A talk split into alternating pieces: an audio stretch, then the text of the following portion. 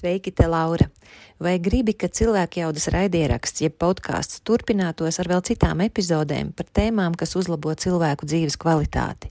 Ja jā, tad lūdzu palīdzi mums atrast cilvēku jaudas auditorijai piemērotus reklāmdevējus, kuri saprota, cik vērtīga būtu viņu sadarbība ar cilvēku jaudu. Mums tā būtu iespēja sekt regulāras izmaksas, kas saistītas ar jaunu epizožu veidošanu un nodrošināšanu cilvēkiem, lai visiem bez maksas ir pieejama noderīga informācija, kas uzlabo dzīves kvalitāti un palīdz ieraudzīt jaunas iespējas un risinājumus. Ja gadījumā tu esi no reklāmas aģentūras vai tam līdzīga uzņēmuma, tad varbūt tu vari mums palīdzēt ar ieteikumiem un idejām, kā mēs varam sastapt īstos uzņēmumus, kuri būtu priecīgi par sadarbību ar cilvēku jaudu. Mēs meklējam risinājumu, kurā visi iesaistītie ir ieguvēji. Kad apkārtējie jūtas labāk, tad dzīvojam veselīgākā un atbildīgākā sabiedrībā, un jo kvalitatīvāka tad ir cilvēku dzīve. Ja tev ir praktiski risinājumi par to, ko tikko izstāstīju, mēs priecāsimies par tavu ziņu uz info at cilvēkjauda.lv ar informāciju, kā vari mums palīdzēt turpināt šo darbu par to, ko tikko lūdzu. Mūsdienās mēs dzīvojam ar otrā tipa malnutrīciju, kas nozīmē, ka cilvēks mums lielveikala plaukti pārpilnībā lūst, eh, un leduskapī ir piebāzti un saldētavas un visas lietas līdz lūpai tā teikt, bet cilvēki eh, ēd plikāku pārtiku, un rezultātā mēs nenodrošinām visas nepieciešamās uzturvielas, ko mums vajag, ko mūsu zaniņām vai ko mūsu zana baktērijām vajag. Un, un tas mērķis būtu dzīvot un ēst tā, lai mūs dominētu tās labās baktērijas, tie labie mikroorganismi. Pēc sliktiņiem ir ļoti būtiska nozīme, jo viņi tur labā formā tās labās. Jā, mūsu ķermenis ir ļoti gudrs, tajā ir iebūvēta no dabas. Eh, es teiktu, tā tieksme uz veselību, tieksme uz līdzsvaru. Un eh, brīdī, kad mūsu līdzsvars sāk kaut kur šķobīties un nobrukt, parādās simptomi, Tas ir tas, kā ķermenis mums sūta ziņu, jo viņam nav WhatsApp konta vai Messenger vai Telegram vai vienalga kas. Viņš mums caur simptomiem saka, hei, ja sāk sāpēt locītavas, man jādomā, kāpēc viņas sāk sāpēt. Būtībā jebkurš sāpju simptoms ir mums ziņa no mūsu paša gudrā organisma. Un cilvēks nereti eh, ar steidzīgu dzīvesveidu, stresā visu laiku būt skrējienā. Tādā formātā dzīvojot, mums nav laika uh, ieklausīties, kāpēc man sāp galva, kāpēc es esmu noguris, kāpēc man nav enerģijas. Un tie ir nopietni jau si signāli, Mūsu laikmatā cilvēkam būtu ļoti palīdzoši veselībai, ja viņš uh, mācītu piebremzēt un sadzirdēt tos vēl tos klusos čukstus, ko ķermenis saka, ka ir pirmās pazīmes ceļā, var uzvarbūt kaut kādu diagnozi jau. Es esmu Laura Denlere. Projektā Cilvēka jauda es izjautāju zinātniekus, mediķus, sportistus, uzņēmējus un citus radošus, gudrus un drosmīgus cilvēkus. Šīs sarunas palīdz iepazīt sevi un vairot savu cilvēku jaudu. Šodien cilvēku jaudas saruna man ir ar Silviju Ābeli. Silvija ir uztura speciāliste, un Silvijai ir vēl viena karjera uh, viņas dzīvē. Tas jau ir laikam tā etaps, uh, kuram tu esi pārkāpusi pāri, vai ne?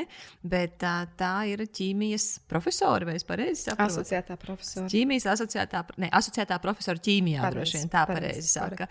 Uh, Un uh, mans plāns ir Silviju šodien uzjautāt par tādām lietām, kuras, tad, kad es uzdodu ārstiem, uh, man ir atbildējuši, tas jums jāprasa uztura speciālistam. Es pajautāju vēl dažiem saviem tādiem uzticamiem draugiem, kas ir arī ļoti orientēti uz veselīgāku ēšanu, kādus jautājumus viņi uzdotu. Un tad uh, es ceru, ka Silvija mums varēs pastāstīt no oficiālās zinātnes viedokļa, kādi ir uzskati un kādi ir uzskati arī no tām tendencēm, kāda ir uztura, es nezinu, vai uztura zinātnē vai Jā, uztura pieejā. -hmm. Tu teici, ir viena lieta, ka uztura speciālists un uztura zinātnieks nav viens un tas pats. Jā, uzturs speciālists eh, Latvijā uh, ir profesionālā kvalifikācija, bakalaura studiju tātad, uh, ietvaros, četru gadu studiju laikā. Mēs varam iegūt profesionālā bakalaura grādu ar uzturu speciālista kvalifikāciju.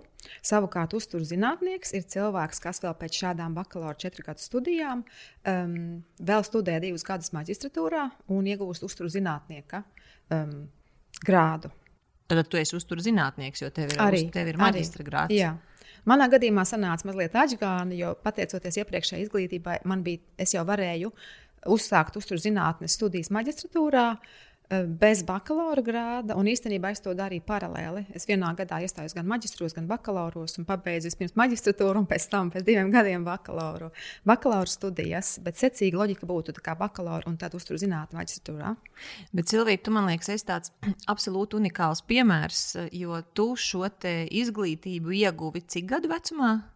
50. 50, 50 gadu jā, vecumā. Jā, nu, kā es iestājos 50 gadu vecumā, es iestājos, nu, labi, būsim korekti 49, nemaldos. Tad, jā, bet teiksim, tā plus mīnus 50 gadu vecumā es iestājos bakalaura studijās. Un, uh, studēju blakus, sēžot solā ar vidusskolu beigušajiem studentiem. Nu, tas tā teorētiski, jo praktiski es biju nepilnlaika klātienē vispirms, un tur atnāk jau cilvēki, kas paralēli jau strādā. Mūsu grupiņa bija tāda ne, nedaudz vairāk nobriedušāka grupiņa, bet ir teorētiski, jā, bakalaura studijās tad atnāk studenti ar, ar vidusskolas izglītību, un man absolūti nebija nekāda problēma blakus šiem jauniešiem būtībā mācīties. Es jutos tāpēc jaunāka, enerģiskāka, nemaz nejūtos nepiederīga un fantastiski izbaudīju šo laiku. Un, eh, no savas pieredzes varu teikt, ka mācīties nekad nav par vēlu un īstenībā neko nevar nokavēt. Bet Silvija, tavs nomainītais, um, es nezinu, amats nodarbošanās, tava nomainītā nodarbošanās no ķīmijas uh, asociētās, ne, no asociētās profesoras ķīmijā uz uh, uzturu zinātnieci, man tas liekas savā ziņā nu, ļoti saprotami, bet tajā pašā laikā, nu, tomēr asociētā profesora, nu, tur nav tālu arī līdz profesorai, un tomēr nu, tāda ļoti labi nostabilizēta karjera. Uh, tev ir arī zinātniskais grāds ķīmijā, tas ir doktora grāds jā, ķīmijā tev jā, patiesībā jā. ir doktora grāts ķīmijā un četras pieredzes postdoktora studijās, ja pēcdoktorantūras studijās ārzemēs. Tā kā ir visai liela saka, mobilitāte un pieredze ārvalstu laboratorijās, arī papildus vēl PhD grādam, ja doktora disertācijai. Bet eh, nu, dzīve saliek visu pa plauktiņiem, un būtībā manu bērnu veselības stāsti bija tie, kas mani pamazām, pamazām aizveda veselības un atļaušos teikt medicīnas virzienā līdz brīdim, kad es eh, pusmūžā nolēmu tādu vienā gadā lekt nezināmajā un eh, pārtraucu darba attiecības ar universitāti ar savu līdz tam vienīgo darbu vietu Latvijā. Un, pat ja joprojām man ļoti patīk zinātnē, man ļoti patīk veikt pētījumus. Un, uh, Tās sirds aicināja citur, un uh, te nu es esmu būtībā nomainījis savu profesionālo darbošanos pusmūžā un daru to, kas, kur mani ved saka, aicinājums, vai misijas apziņa, vai sirds balss liek, liek saka, kustēties šajā virzienā. Uh, Un es priecīgi redzu, kā līdz mūža galam es varu palīdzēt cilvēkiem, eh, būt veseliem. Un ļoti grūti man būtu iedomāties, kā es sēdētu kā veca brīļaina profesora, visu cieņu visiem profesoriem un profesoriem, bet lasot lekcijas no veciem pierakstiem, no nodzeltējuši papīru. Nu, tas tā alegoriski dabīgi, tagad mēs lasām lekcijas ne jau no nodzeltējušiem pierakstiem, bet eh, es, jā, man bija grūti iedomāties, kā es varētu līdz mūža galam darīt to darbu, ko es darīju līdz tam, pat ja tas bija ļoti interesanti un aizraujoši. Un, un tagad es... būsi Veca, brīļaina uzturas zinātniece. nu, par brīviem parunāsim citā sarunā, jo es vēl turos bez brīviem. to tu arī ar uzturu kaut kā dabū gatavu, ka tu bez brīviem. Um, nē, te noslēpums būtu, ka es nevalkāju saules brilles vairākas gadus, jau vairākas vasaras. Es uh, cenšos uh, veikt dažus acu veselības vingrinājumus. Uh, Un es neesmu eh, katrā ziņā speciālists uh, dabiskas redzes atjaunošanas uh, aspektā. Te būs cilvēki, ko es varu ieteikt, uz kuriem arī es skatos un mācos. Kā, neesmu ļoti čakla acu vingrotāja, bet, bet cenšos, cenšos noturēties vēl. Pat ja objektīvi man maziem burtiem būtu vajadzīgs, vajadzīgs palīgs. Mhm. Silvija, bet uh, tu arī esi lieliskā formā. Paldies. Un uz tevi skatoties, gribas mukt no tevis prom. jo se, no, no, tas no tās sērijas nu, tik, tik pareizi visu darīt es nevarētu.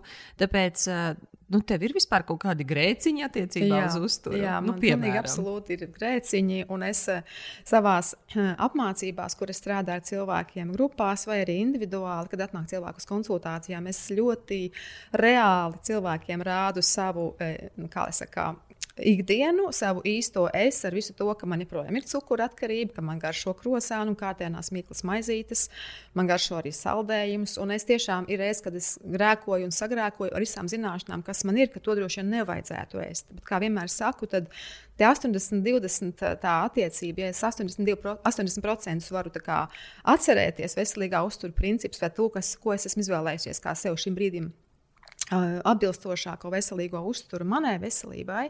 Un 20% atstāja tām, tām grēka reizēm, tad es uzskatu, ka ar to viss ir kārtībā. Un es domāju, ka tā mēs varam vairums cilvēku dzīvot. Ir svētki, un, un ir reizes, kad mēs eh, varam noēst to cielaviņu un nosvētīt viņu, un, ne, saku, negraužot sev pēc tam pašpārmetumos.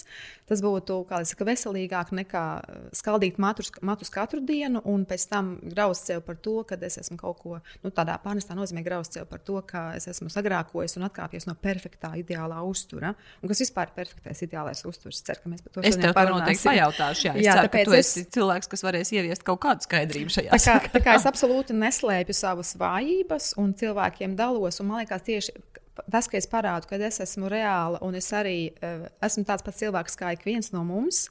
Ar visām tām daudzām zināšanām, uzturu jomā, tas cilvēkiem iedod tādu, uf, tādu mazu ats, nu, tā atvieglojumu, ka tad viņi arī var. Jo, ja es to varu, cilvēki, tad jebkurš to var. Un es arī neesmu absolūti nekādā ziņā uh, um, virtuves vai gatavošanas guru. Tas nav mans, uh, kā jau teicu, es gatavošana nav, vai ja virtuve nav mīļākā vieta mājā vai dzīvoklī, kur es esmu. Es, man mīļākā nodarbošanās nav visas dienas garumā stāvēt pie katliem un veselīgi kaut ko sev gatavot. Man vajag ātri, ērti, praktiski. Uh, nesveru neko, neskatos gan arī receptes. Tomēr gan es, gan mana ģimene pa dzīvi ir bijuši pēduši un plus mīnus labā veselībā. Man ir precīzi tāda pati attieksme, kā tev jā. vajag, lai ir garšīgi, jā. bet lai ir ātri un ērti. jā, jā. un tā, un es cilvēkiem to padalos, ka, jā, ka nav jābūt ne šefpavāram, ne, ne izcilām sagatavotām iepriekš teiksim, zināšanām, lai varētu veselīgi dzīvot un, un arī drīkst arī sagrākot, un ar to viss ir kārtībā, un kā, skatīties to lielo plānu. Mm -hmm. Vai tu vari pateikt, kāda ir atšķirība starp uztura speciālistu un uztura zinātnieku? Mm -hmm. Tātad uzturs speciālists ir eh, šīs studijas, bakalaura studijas četru gadu laikā, iedod, eh, profesi, iedod profesiju, jeb kvalifikāciju. Un eh, ar to šīs programmas beidzēji tiek uh, ierakstīti, ja uzņemti ārstniecības personu sarakstā. Tātad mēs varam strādāt ar, ar klientiem, ar pacientiem, kā ārstniecības persona vai privātpraksēs, vai klinikās, vai slimnīcās, vai sociālajos aprūpas namos, vai ļoti daudzās vietās arī. Uh, Uzturs speciālists strādā arī valsts pārvaldē, veselības ministrijā, strādā gan ar cilvēkiem uh, rehabilitācijā, kā šīs te. Um, funkcionālais speciālists, kā viens no rehabilitācijas komandas eh, dalībniekiem. Mēs strādājam veselības aprūpē, strādājam profilaksē. Tā, tā ir tāda reāla profesija. Ar, tātad, eh, jā, students šīs studijas nobeidzot, iegūst profesiju, jeb kvalifikāciju. Kamēr uh, Tas ir tas profesionālais bakalaura grāds, kurš iedod tiesības tālāk iet uz maģistratūru un vēl tālāk uz doktorantūru. Tikpat labi. Savukārt, uztur zinātnieks ir akadēmiska studiju programma, maģistra studiju programma divu gadu apjomā, tā, tā kā stingri ņemot, tas, kā pašreiz Latvijā ir likumdošana, kā, neļauj, vai tas nav paredzēts, ka šis uztur speciālists, uz, piedošana, uztur zinātnieks strādātu individuāli, terapiju, kā, izmantot uzturu kā terapiju darbā ar konkrētu, konkrētu teiksim, pacientu. Bet uzturu zinātnieks var strādāt ar, teikt, ar, ar daudziem cilvēkiem reizē, veidot veselības politiku, strādāt ministrijā, dažādos Eiropas projektos un tam līdzīgi. Un tam līdzīgi. Tā, tā ir šī brīža situācija. Kas tev tavā studijās bija visizaicinošākais no priekšmetiem? Vienkārši ciest nevarēja, vai bija ļoti traki jāmācās? Jā, man laikam tāda priekšmetu grupa, kuras nosauktu par um, kā pateikt, vairāk sociālu aspektu vai būtībā veselības komunikācija. Kas eh, stingri ņemot, ir ļoti svarīgs priekšmets, jo tas eh, pēc definīcijas tam būtu jāmāca, kā sazināties ar vienu klientu, pacientu, kā eh, runāt sabiedrībai, kā veidot šo veselības politiku. Man vienmēr, nu, ķīmija arī tāda ļoti eksakta zināt, ļoti konkrētas lietas, man, man vienmēr vēl atpakaļ pie praktiskām lietām, pie izmantojamām lietām, pie uh, praktiskām zināšanām, kas, kā, piemēram, mans mīļākais priekšmets savukārt noteikti bija fizioloģija, kas stāsta par to, kā viss ķermenī darbojas. Un tā kā anatomija, fizioloģija, bioķīmija, mikrobioloģija, tie bija mani mīļie priekšmeti, bet šie te, tā teikt, runājamie, kas kā, stāsta par to, kā vajadzētu pacientu motivēt, kas, protams, ir ļoti svarīgi, Jo mēs jau varam runāt ļoti skaisti un ilgi un gudri, bet uh, kamēr cilvēks nespēja paņemt to pretī, vai mēs neesam atraduši veidu, kā to konkrētam cilvēkam iedot tā, lai tieši viņš to paņem pretī, nekas jau nemainīsies. Kā, protams, komunikācija, jeb saziņa, man šis vārds komunikācija arī liekas tāds ļoti nu, moderns, uh, latviešu valodā mums skaists vārds saziņa, jeb sazināšanās vai sarunāšanās, vai, vai citi daudz šādi eh, mūsu valodā skaisti vārdi, kas var aizvietot vārdu komunikācija. Bet tāda veselības priekšmets, kas saucās veselības komunikācija, man likās tik ļoti vispārīgs, tik ļoti, tik ļoti nekonkrēts, ka, lai cik tas būtu svarīgi, man tas, kā, es biju priecīga, ka tas ar tiem tiku pāri. Un, un, Un, tad, protams, ir daudziem cilvēkiem, studentiem, statistika un visi tie priekšmeti liekas arī kā lielais bubulis. Un, e, kā, jā, protams, bija savas, savas preferences, savi mīļākie priekšmeti un savi varbūt ne tik ļoti mīļākie, bet e, beigu galā viss jau ir jānokārto un viss ir jāapgūst. Un, un katrs ir devis savu ar tevu tai kopējai nu, kvalifikācijai un zināšanu kopumam. Profesora Konrāde, tad, kad mums ar viņu ir bijušas cilvēku jaudas epizodes, viņa ir vairākas reizes atkārtojusi, nu, ka nav viena unikālā uztura, kas, ko vajadzētu ievērot visiem citiem. Un pat ja mēs to saprotam, mums tomēr no saviem draugiem, no paziņām un daudz arī cilvēku jaudas auditorijas, es jūtu to, ka nu, ir ļoti grūti Jo pieeju ir ļoti daudz, ir, uh, ir vegāni, un tad pretējais ir karnivori, un mm -hmm. tad ir uh, fāstinga piekritēji, un tad atkal ir tie, kas saka, ka vajag ēst uh, bieži un pa bišķītim, un, un tad ir paleo diēta, kā kā tur nevajag vai graudaugus vai pākšaugus, savukārt vegāni pārtiek tikai nu, liel, liels daudzums pākšaugu mm -hmm. ir, viņu, ir viņu diētā vai veģetāriešiem. Līdz ar to, nu, kā tad vispār saprast, kurš uzturs ir veselīgs cilvēka ķermenim? Mm -hmm. Tas ir ļoti, ļoti reizē plašs, reizē ļoti vērtīgs jautājums, jo, nav arī uzreiz nepateikšu vienu pareizo ātrā atbildi. Tā galvenā doma, ko es šeit vēlos pateikt cilvēkiem, ir, ka, jā, kā tu iepriekš teici, ka nav e, ideālā, optimālā, e, perfektā uztura, e, kas derētu visiem cilvēkiem vienādi. Vēl jau vairāk ņemot vērā to, ka cilvēks savā dzīvē ir ļoti mainīga būtne no piedzimšanas, vēl pat no grūtniecības, kad viņš ir māmiņas eh, klēpī, kad veidojas par, par bebīti. Un tad viņš piedzimst, un tad viņam ir bērngārznieks, tad viņam ir zīdaiņa vecums, tad ir bērngārznieks, tad ir pamatskolnieks, tad ir vidusskolnieks, tad ir pusaudzis, tad ir jaunietis, tad ir, tad ir brieduma gadi, un tad ir hormonālo izmaiņu laiks eh, gan sievietēm, gan arī vīriešiem. Par to tikai mazāk runā sabiedrībā, bet šis perimenopauzes, menopauzes laiks un andropauzes laiks vīriešu gadījumā.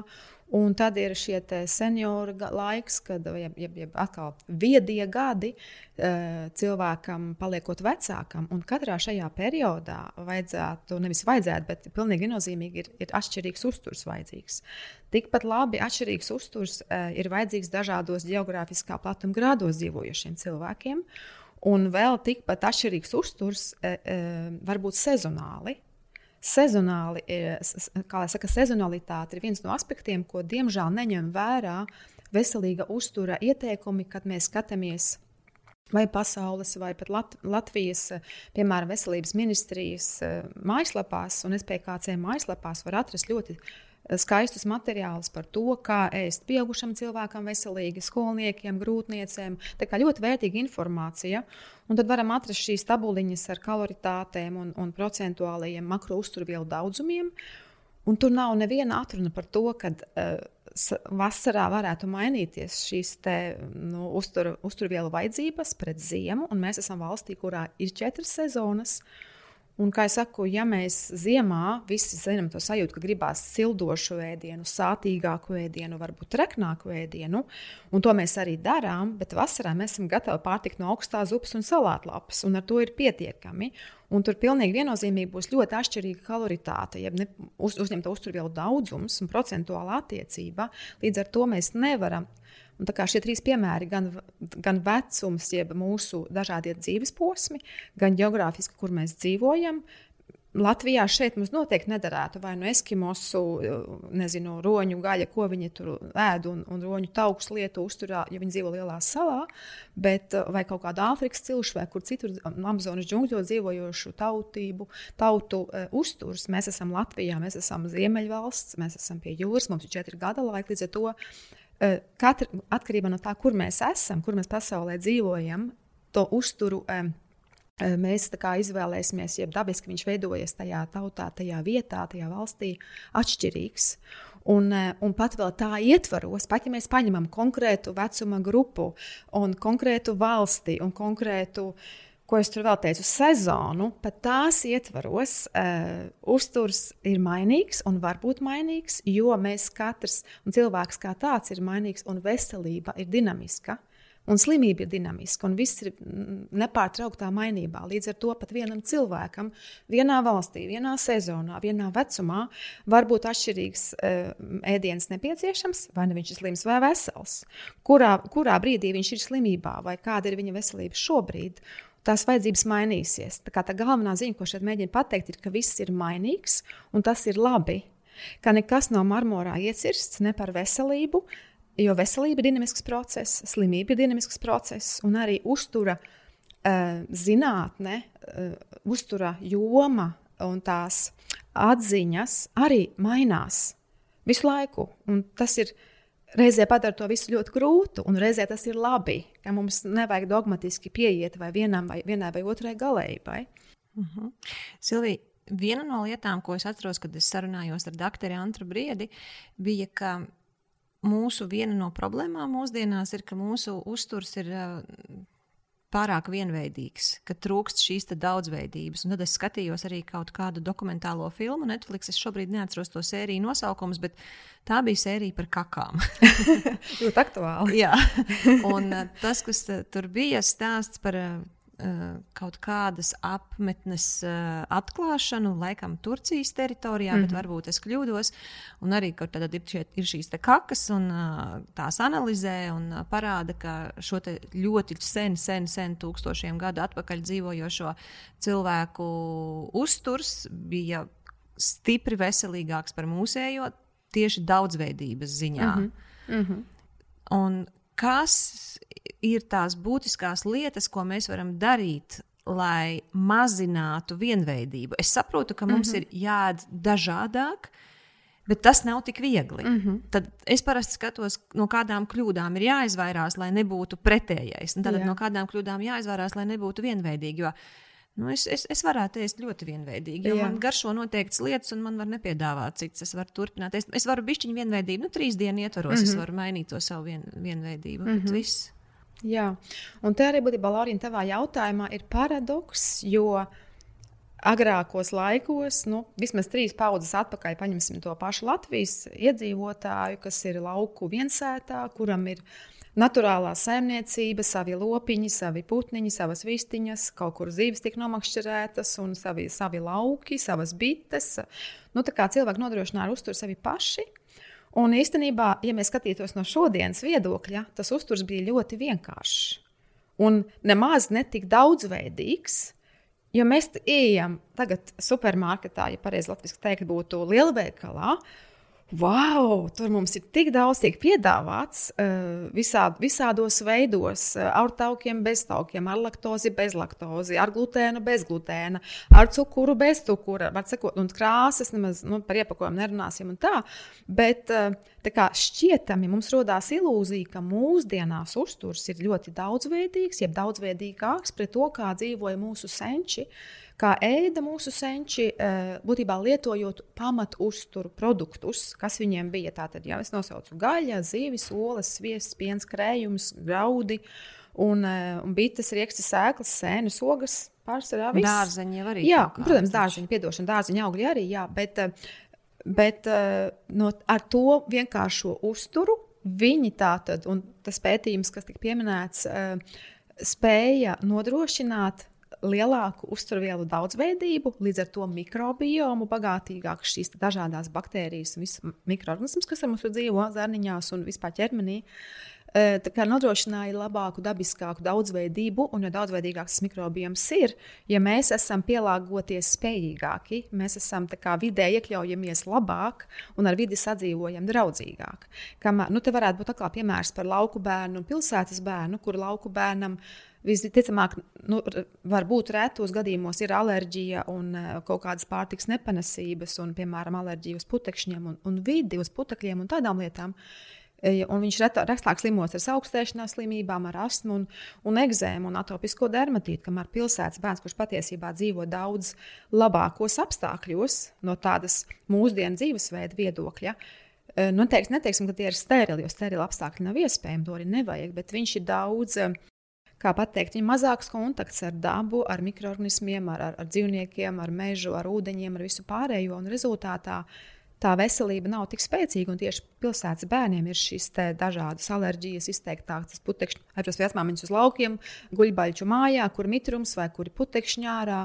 Mums ir deguns ciet un asaras tek. Un tas parāda to, ka dabiskā vidē esot uh, augot, mēs ar vidi sadzīvojam. Un līdzīgi ar to šķietami vienkāršo toreiz, bet uzturvērtībām pilno uzturu, Mums viņš no mūsu viedokļa liekas, no šodienas viedokļa liekas vienkāršs, bet tas bija tas, lai neteiktu pareizais, bet pilnvērtīgais uzturs. Viņš bija nesabojāts, nesamāklots, ne, ne, ne tik ļoti, ne, nu, jā, mēs pārsvarā ģimene pilsētā dzīvojot, pārtiekam no, pār, no ēdieniem, no produktiem, ko mēs pērkam lielveikalā. Labi, ka ir mums tirgus kultūra Latvijā dzīve, kas ir fantastiski.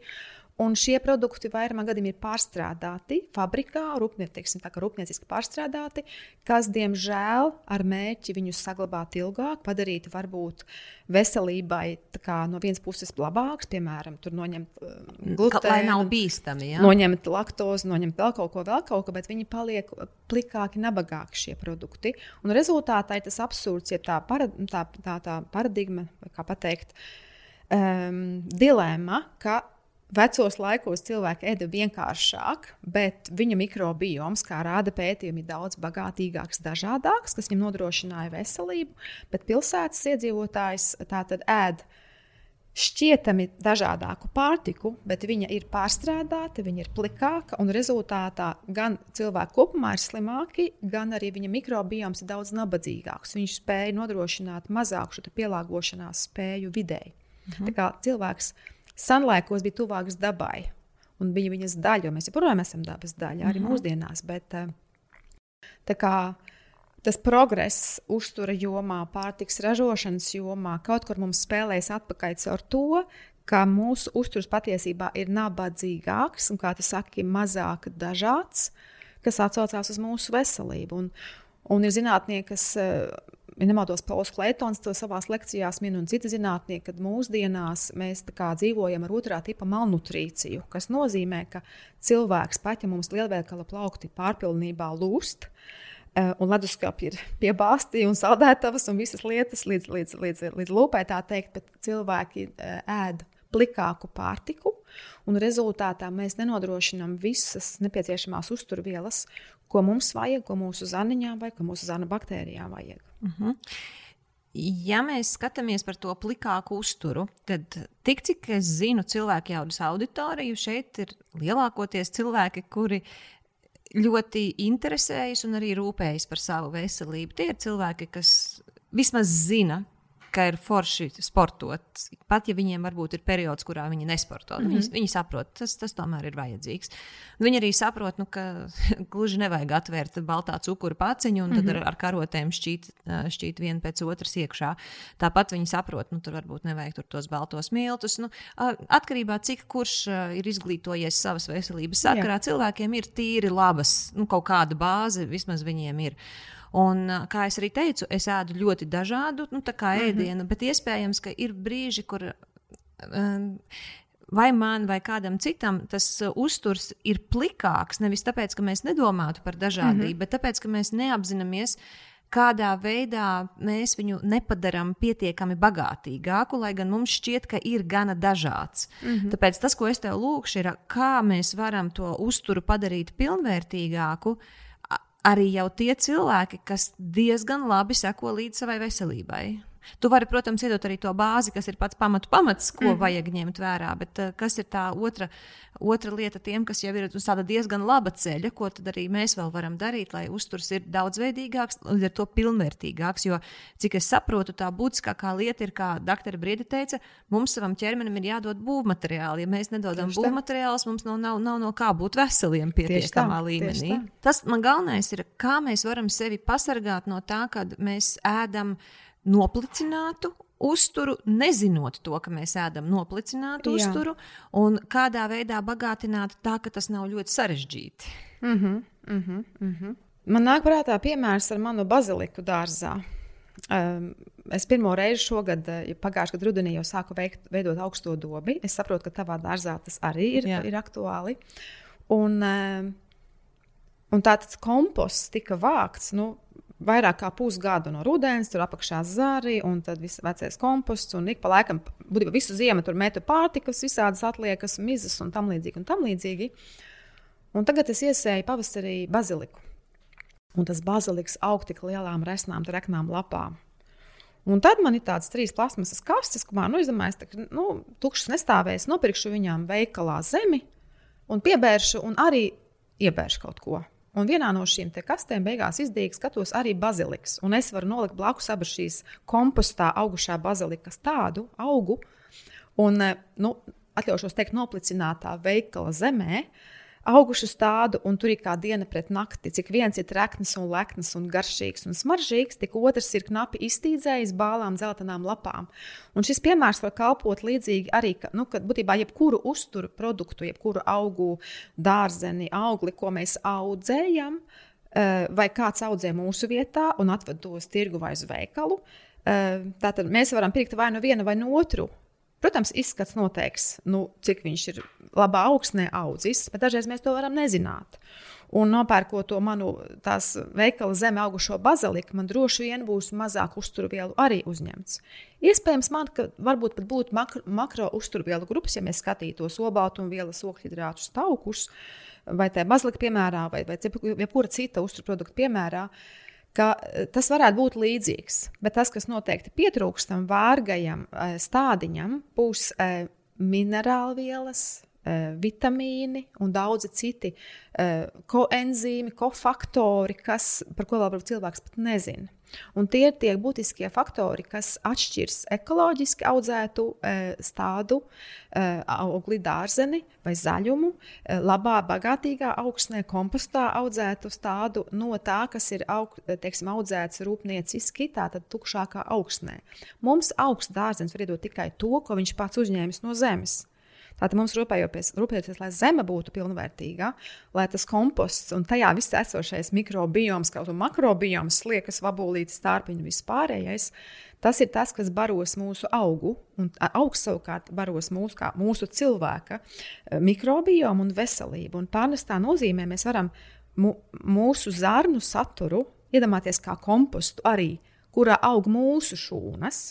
Un ko mēs tajā kompostā būsim ielikuši, tādas tik daudz barības vielu, tā kā mēs ieliekam kompostā ar pilnvērtīgu pārtiku, pareizi.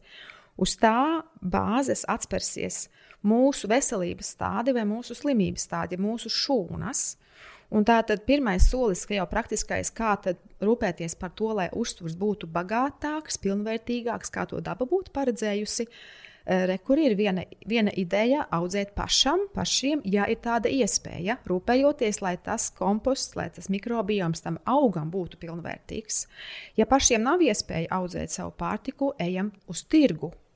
Ja pašiem nav iespēja aiziet uz tirgu, vai tirgus nav tūmā, ejam uz lielveikalu. Un Latvijā mēs, kā jau saku, nevaram spļaut dievam acīs, jo mums pat liel, lielveikalā varam nopirkt kvalitatīvu pārtiku arī. Uh, kur ir, kur ir bioekonodaļas, kur, ir, kur piegādā zemnieku uz lielveikalu. Mums, mums lielveikalā svaigu pienu varam nopirkt, kas daudzās pasaules valstīs nav, nav tāda iespēja cilvēkiem. Mums ir klētiņas nodaļas, mums ir kā, saprast, ko man meklēt tajā lielveikalā un kā, kā savu līdzekļu iespējās, robežās meklēt labāko, ko es varu atļauties. Tas droši vien kā, pavirzīs uz ekoloģiski, bioloģiski audzēto, audzētiem augļiem, dārzeņiem, graudiem, riekstiem un tā tālāk. Tā tas būtu tas, tā produkta kvalitāte, ko es jau atnesu līdz mājām. Tas būtu tas galvenais faktors. Un tad, kad es esmu jau mājās, man ir jau tas, kas nu sanests mājās, tad domāt, kā es varu uh, dažādot tā uztvara ietvaros, kas, uztur ietvaros, kas man ir. ir un uh, celt godā. Tātad, tas dažādošana nozīmē, ka es vienkārši apzinos, man vajag taukvielas, man vajag olbaltumvielas, man vajag ogļhidrāts, man vajag mikroelements, man vajag vitamīnus, jo dažādāk es ēdīšu no tiem produktiem, ko, ko es varu sagādāt pats savā pilsētas dzīves teiksim, formātā, jo, jo labāk tas būs. Tā būtībā būtu jābūt gan riekstiem, gan sēklām, gan, ja cilvēks ēd gaļu, tad būs gaļas produkti, zivis, eh, ja nē, ja tas ir vegetārietis, kurš ir striktāk ierobežo savu uzturu, izvēloties neēst eh, dzīvnieku valsts produktus, tad viņš varbūt ēd zivis Ja viņš nē, dzīves, varbūt viņš ēd olas, ja viņš nē, olas, varbūt viņš ēd, piemēram, piena produktus. Tā kā jo dažādāks tas uzturvielu klāsts, jo pilnvērtīgāks būs cilvēka uzturs. Tātad dārziņa augļi, ko mēs minam, rieksti sēklas, sēnes, ogas, Latvijas bagātība. Un, tas arī dos to, to dažādību. Un uh, Latviešu nacionālais saka, nu, sporta veids, sēņošana, ogošana, es domāju, mums ļoti lielu dod pienesumu atpakaļ veselībai. Pat ja mēs pilsētas formātā varam pārtikt uh, lielu laika daļu no veikalā pirktas pārtikas, jo ne visiem ir dobītas vai komposta vai augstās dobas vai tam līdzīgi iespējas pašiem to audzēt, bet mēs tad varam papildināt, pēc tam vasarā savācot sēnes, ogas, riekstus un tādas lietas. Kaut vai tirgu nopērkt. Jā, un to dažādību atpakaļ ienest. Un vēl viens aspekts, kā to dažādību eh, vēl vairot, izmantojot produktus, kas mums ir, tā būtu e, produktu skābēšana, fermentēšana. E, būtībā caur to mēs palielinām labo baktēriju gan daudzumu. Nu, paņemsim atkal mūsu slavenos kā skābētos kāpostus. Tas ir veids, gan kā mūsu senči glabāja kāpostus, jo viņi var neizdzīvot cauri salam, gan arī tas iedeva. E, Daudz paralēli citu labumu mūsu ķermenim, gan šķiedrvielas, kas tur joprojām paliek, gan labo baktēriju, e, veselu uzturvielu, būtībā tā, labo baktēriju buķeti, kas e, pēc tam strādā mūsu labā un vairo dažādo mūsu uh, mūsu kompostu, kas mums ir mūsu zarniņās, to mikrobiomu optimizē. Un, kā, un skābēt jau mēs varam ne tikai kāpos, dažādus dārzeņus. Mēs zinām, skābētos kāpos, zinām, skābētos gurķīšus, bet tikpat labi mēs varam skābēt, nu, ja moderni teiktu, fermentēt, bet skābēt ir, ir pareizais termins arī. Uh, jebko, jebko. Un ir cilvēki, kas skābē olas un ko tādu. Bet uh, caur to mēs varam atdot atpakaļ mūsu ķermenim tos mikroorganismus, ko mēs varbūt e, esam viņiem atņēmuši dzīvojot pārāk sterilā pilsētas vidē, ar varbūt ne tik pilnvērtīgi, bagātīgi, bagātīgu pārtiku. Tā kā atkal atceroties fermentēšanu, skābēšanu, raudzēšanu, piena produktu raudzēšanu, caur kefīru, jogurtu, rūgušpienu, raudzētām paniņām, skābo krējumu, ar šiem produktiem produkti, ar, ar šiem produktiem mēs varam cilvēkiem atnest atpakaļ šīs labās baktērijas, kas blakus ikdienā tiem, kas dzīvo laukos un tā dzīvo pats paudzēm atpakaļ, bet arī pilsētniekam šīs zināšanas ir izmantojamas ļoti labi. Uh mhm. -huh. Un tu bieži piemini šo vārdu mikrobioms. Es domāju, ka pa lielam ideja ir saprotama, bet varbūt tu vari to mikrobiomu izstāstīt tā, lai mums gribētos par to rūpēties. Jā. Tātad, kāpēc mums to darīt un ko mēs zaudējam, tad, kad mēs to nedarām. Jo es atzīšos, ka man lielākais tāds, nu, kā angļuiski saka, breakthrough, tād, nezinu, tāds nu, ne, ne lūzuma punkts, bet tā tāds nu, veiksmīgs atspēriena mm -hmm. punkts man bija tad, kad es sapratu ka nu, tur ir tā mana veselība, bet galvenais, ka tur ir tā mana skaidrā galva, ka nevis man tur ir migla galvā, bet varbūt ir vēl kaut kas, ko vajag par mikrobiomu tādu pateikt, lai cilvēks tā kā saprot, bet tur dzīvo mani zvēriņi.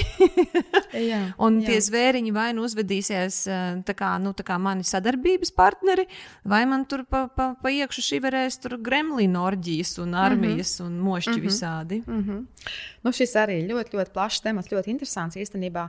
Jāatzīst, ka mikrobioma bioma pētījumi ir noteikti tā, ir plus mīnus 20 gadi. Viņi mm -hmm. sākās šī gadsimta sākumā ļoti izteikti. Un e, būtībā iznāk, ka cilvēks 20. Gads, 21. gadsimta sākumā atklāja jaunu orgānu. Kad būtībā mēs varam teikt, ka mikrobioms ir tas mikroorganismu, gan baktēriju, gan vīrusu, gan vienšūņu, gan uh, sēnīšu, gan arī parazītu, ja to pieskaitām pie mikrobioma, šis kopums veido to mūsu lielākajā mērā zarnu, eh, zarnu mikrobiomu. Un eh, tagad mēs arvien tālāk pētot šo mikrobiomu, kas patiesībā ir savs atsevišķs orgāns, jo mēs zinām arī, kā šis mikrobioms, tā kvalitāte un kvantitāte ietekmē smadzeņu darbību, ko tu piemini. Ja?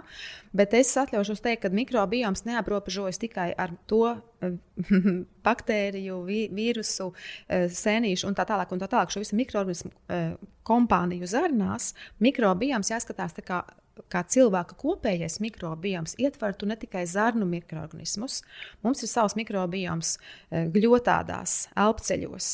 Tā kā mums uh, Kādam Dzīv, smak... iekšējo dzīvnieku papilnam. Jā. Visur viņi ir, visur viņi ir. Tātad, piemēram, tiem vecākiem, kuriem, kuriem bērniņi arī paši pieaugušie saslimst un puņķojās rudenī, pavasarī. Tātad viss, kas te notiekās, te mainās tas mikrobioms, mainās.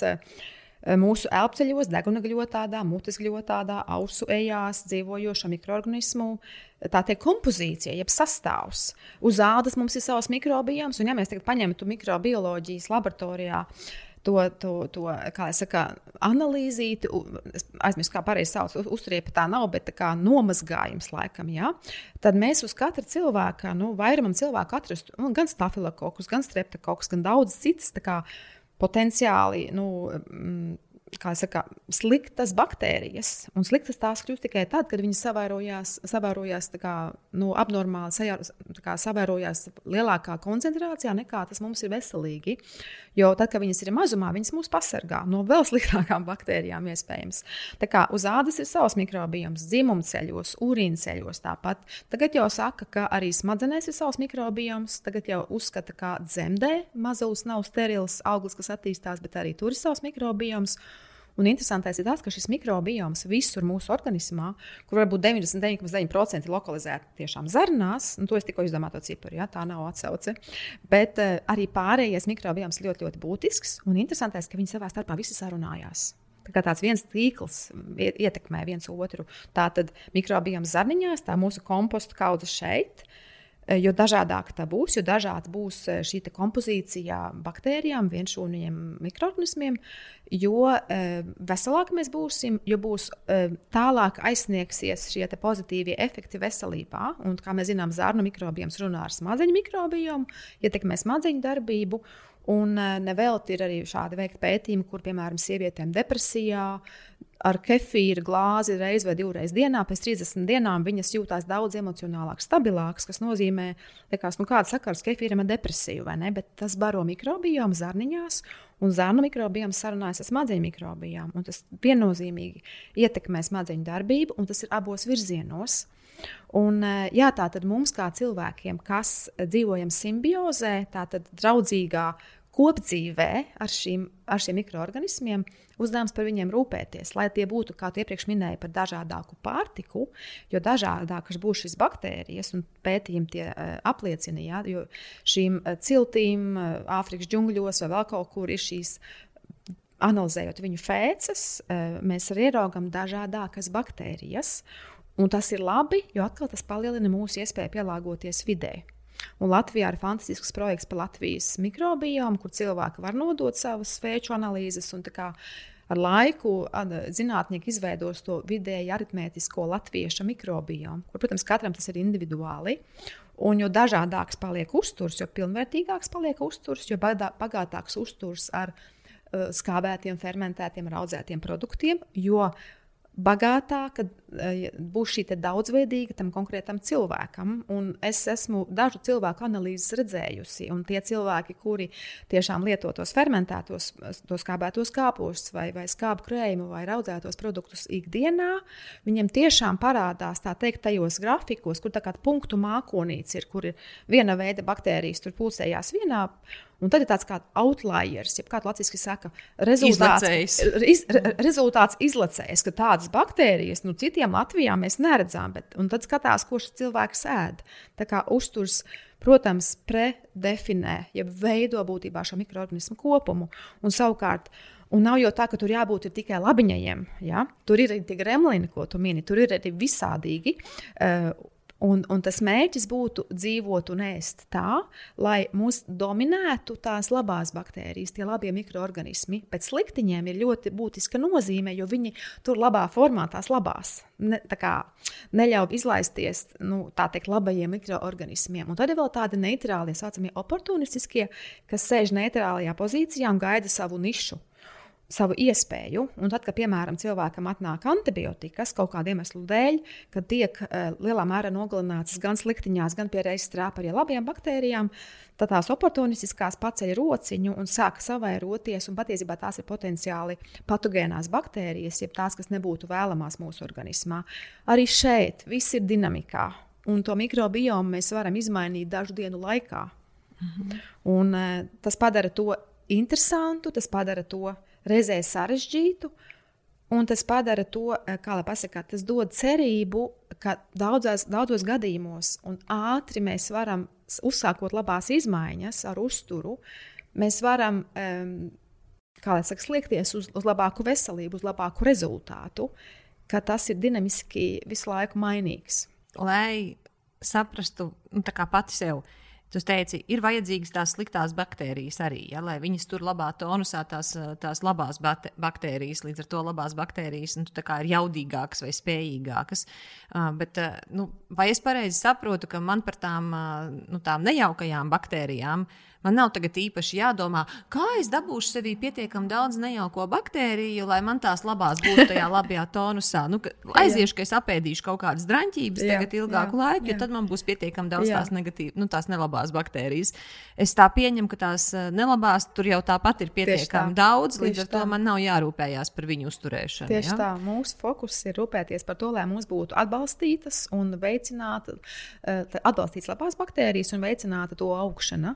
Un mēs to varam gan ar pareiziem uzturproduktiem, gan mēs varam pašas baktērijas kā tādas uzņemt papildus uzturbagātinātāju veidā. Mhm. -huh. Un, eh, jā, atbalstot vairāk labās, mēs rūpēsimies par to, lai tas līdzsvars uh, ir veidojās uz uh, optimālu tā lai mēs būtībā neļaujam tam sliktiņām tik ļoti izpausties. Nu, piemēram, banāla situācija, kā piemērs ar vēdera vīrusu jeb rotovīrusu, kas nozīmē, ka pēc jau slimības, jeb diagnozes nosaukuma mēs saprotam, tas ir tāds vīrus, netik foršais vīrus, kas atnācis mūsu zarniņās un tagad ievieš savus noteikumus. Un ko, ko tas nozīmē? Ka cilvēkam būs caurēja, cilvēkam būs eh, vemšana, vēders sāpes, un tas var notikt ļoti, kā lai saka, dažu dienu laikā. Cilvēks izslimot teksim, ļoti nu, saka, strauji un ar tādu lielu enerģiju. Tas notiek, mēs nevaram nepamanīt caurēju pareizi, vai nevar, nevaram nepamanīt, nepamanīt, ka mums slikta duša ir. Un, eh, ko darīt šajā situācijā? Tātad tajā brīdī no ārējās vides iespējams mūsos ir atnācis šis patogēnais vīrus, kas izjauc līdz tam ilgiem, ilgu laiku kārtot to, to, to līdzsvaru, kāds cilvēkam ir bijis tajā zarniņās. Un, eh, protams, um, Cik ātri un cik smagiem vai vieglākiem simptomiem cilvēks izies tam cauri, atkarīgs no katra konkrētā cilvēka, kuram imunitāte ir spēcīgāka, kuram tās baktērijas ir jau stabilas, ilgstoši un pārsvarā dominē labvēlīgās. Viņš varbūt var ļoti viegliem simptomiem iziet cauri un nepamanīt. Nu, bišķi, pašķibināja, bišķi man, eh, kā lai saka, varbūt bišķi tīrāks vēders, bet man tas nenogās gultā un tā, ka es nespēju funkcionēt. Uh, savukārt tādam cilvēkam, kuram jau tas līdzsvars bija nu, tāds netik stabils, vai varbūt netika tāda daudz labo baktēriju, kas sargā eh, mūsu imunitāti un veselību, viņš tā teikt nogulsies uz vairākām dienām ar šiem simptomiem un eh, grūtāk tiks atpakaļ uz ceļa. Ko mēs šādā situācijā darām? Viens no līdzekļiem ir vairot labās baktērijas. Piemēram, ja mums nav pie rokas skābu kāpostu sūliņa vai kefīrs, ar kuriem arī būtu jābūt ļoti uzmanīgiem, jo iedzerot ļoti daudz uzreiz, mēs varam pastiprināt caureju. Bet, zinot, kā jau saka, darot to uzmanīgi, pa malciņām, vai tās ir uh, sūklas, vai nedaudz kefīrs, vai nedaudz kāpu kāpostu sula, ko mēs darām, mēs piegādāsim organismam labvēlīgās baktērijas, lai tie sliktiņie vīrusi iet prom. Ja mēs nevaram ar uzturproduktiem to palīdzēt, mēs ejam uz aptieku pēc enterola. Enterols būtībā ir sakaru maisas bulardī. Sēne, labvēlīgā sēne, kas atkal mēs iedodam papildus um, rauga šo sēni, um, kā palīga mūsu zānu mikrobiomam, viņš pamazām, pamazām dzīs to slikto vīrusu ārā. Un, un tādas situācijas, es domāju, mēs katrs esam piedzīvojuši bērnam vai sev šādus rotovīrusus pa dzīvi. Viņi nāk un iet, un viņi būs. Un, un, un, un, kā jau saka, vienmēr viņi ir mūsu apkārt. Jautājums, kad un vai mēs nespēsim pretstāvēt tam. -hmm. Un to noteiks kāds mūsu mikrobijām zarniņās arī. Kādā veidā mēs tā bišķiņi tumsonīgi vai nes, neapzinoties to skādi, vairojam to draņķīgo mikrobiomu un kā, novārdzinam tos, to, to labo mikrobiomu. Ja, piemēram, cilvēks nu, nu, nesēž, nu, nav viņam tur viena konča pēc otras končas, viņš kā, nu, cenšas neēst varbūt to balto cukuru, bet tā kā tu arī teici, mēs ejam lielveikalā mēs nopērkam produktus, kas varbūt ir nu, viegli sadzīvē. Nu, piemēram, bērniem tie varētu būt kas tie ir tādi brokastu kraukšķi, laikam es esmu redzējis, vai kaut kas tāds, un, un es nezinu, kas tur vēl varētu būt profesora Konrāda mums teica, ka nedrīkst lietot, eh, nevis nedrīkst, bet nu, tiešām nevajag lietot uh, saldos jogurtus vai tādus. Vai, vai tu vari nosaukt tos produktus, kurus, par kuriem mēs bieži vien nezinām, ka nu, nevajadzētu viņus tomēr lietot? Ka mums šķiet, ka tas ir veselīgi, jo nu, tur uzrakstīts jogurts, jogurts taču veselīgs kāpienu produkts. Jā, bet jā. Ka, ka nav, kas tas būtu?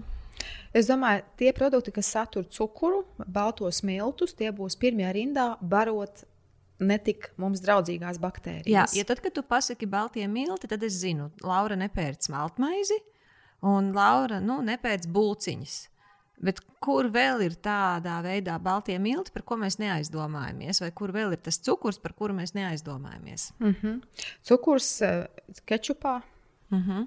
Ļoti daudz, starp citu. Es neesmu pētījusi konkrētu ražotāju, konkrētas tās uzlīmītas, bet uh, kečupā tā teikt, slēptais cukurs, mēs jau pērkam viņu, lai ēstu pie gaļas klāt. Mm -hmm. Mēs mhm. pērkam to kā sāļu produktu. Patiesībā tā sastāvā ir cukurs. Cukurs būs sastāvā, varbūt sastāvā ļoti daudzām tātad gatavajām mērcēm, gatavajiem, tātad rūpnieciski ražotajiem produktiem. Un, jā, tas jau būtu nākamais līmenis, kad cilvēks sāktu pētīt, kur milti vai kur cukurs var būt klāt produktos, kur es sākumā pat nenojaušu, ka tie var būt klāt. Vispirms jau tā lielākais tas uzdevums un grūtākais ir sākt noņemt, kā jau saka, tīrā veidā tos saldumus, ko mēs ēdam, un, eh, teiksim, jā, balto miltu izstrādājums. Un Latvijā tas ir tik nenormāli grūti. Tas ir šausmīgi grūti, jo mums ir tik garšīgi, mums ir vesela kultūra ap šo konditoriju, un, un jā, mums ir būciņas, maizītes, kūciņas un tortītes. Un, un tik smaržīgi, un tik garšīgi, un tāds pildījums, un tāds dekorējums. Un mums ir tiešām kultūra ap to. Mēs ejam ciemos, mēs nesam tās labākās tortes un pasūtām visu. Tā kā pie mums tiešām tas ir grūti un, un vajag, kā pateikt, es pat neteikšu gribas spēku, jo gribas spēku vien tam mēs neko baigi daudz nevaram izdarīt. Bet, eh, nezinu, Baisu disciplīnu. Dažreiz ir tā, ka bērnu vai savas slimības vai veselības problēmas ir tie lielākie motivatori, kas tā kā. Kad iepriekš mēs sākām sarunu, tu teici par to dažādām diētām, dažādo uzturu, ja, kad, eh, kas tad ir pareizais un, un vai ir viens perfektais. Nu, nav jau. Un, eh, kā jau saku, tas, kurš uzturs, ja kāds uzturs vai kura konkrētā diēta būs derīgs man šajā valstī, šajā dzīves vecuma posmā, šajā sezonā, ar manu konkrēto veselību, to es varu secināt, vērojot savu ķermeni ilgākā laika periodā un saprotot, es jūtos labāk vai es jūtos sliktāk. Vai man sāk sāpēt locītavas, vai man labāk strādā galva, kad es ēdu tā vai šitā. Un tas nav vienkārši uzdevums mūsdienu steidzīgiem cilvēkam, tāpēc ka tas ietver sava ķermeņa signālu sadzirdēšanu. Ķermenis, uztveršana. Jā, jā, mūsu ķermenis ir ļoti gudrs, eh, kā pateikt, mehānisms, lai nu, gan tas nav tikai mehānisms, protams, bet ļoti gudrs. Tajā ir iebūvēta no dabas, eh, es teiktu, tā tieksme uz veselību, tieksme uz līdzsvaru.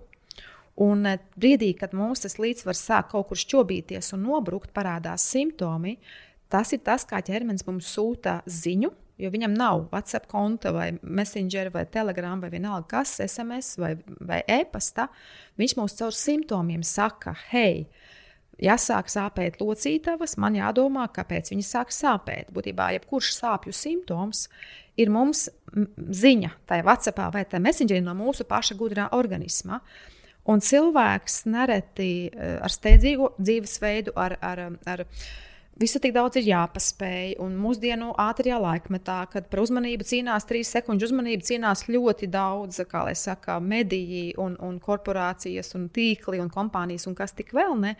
Mēs esam tādā kā spriedzē, stresā, visu laiku būt skrejienā un tādā, tādā formātā dzīvojot, mums nav laika uh, ieklausīties tajos klusajos organismu ķermeņa čukstos. Kāpēc man sāp galva, kāpēc es esmu noguris, kāpēc man nav enerģijas. Un tie ir nopietni jau si signāli.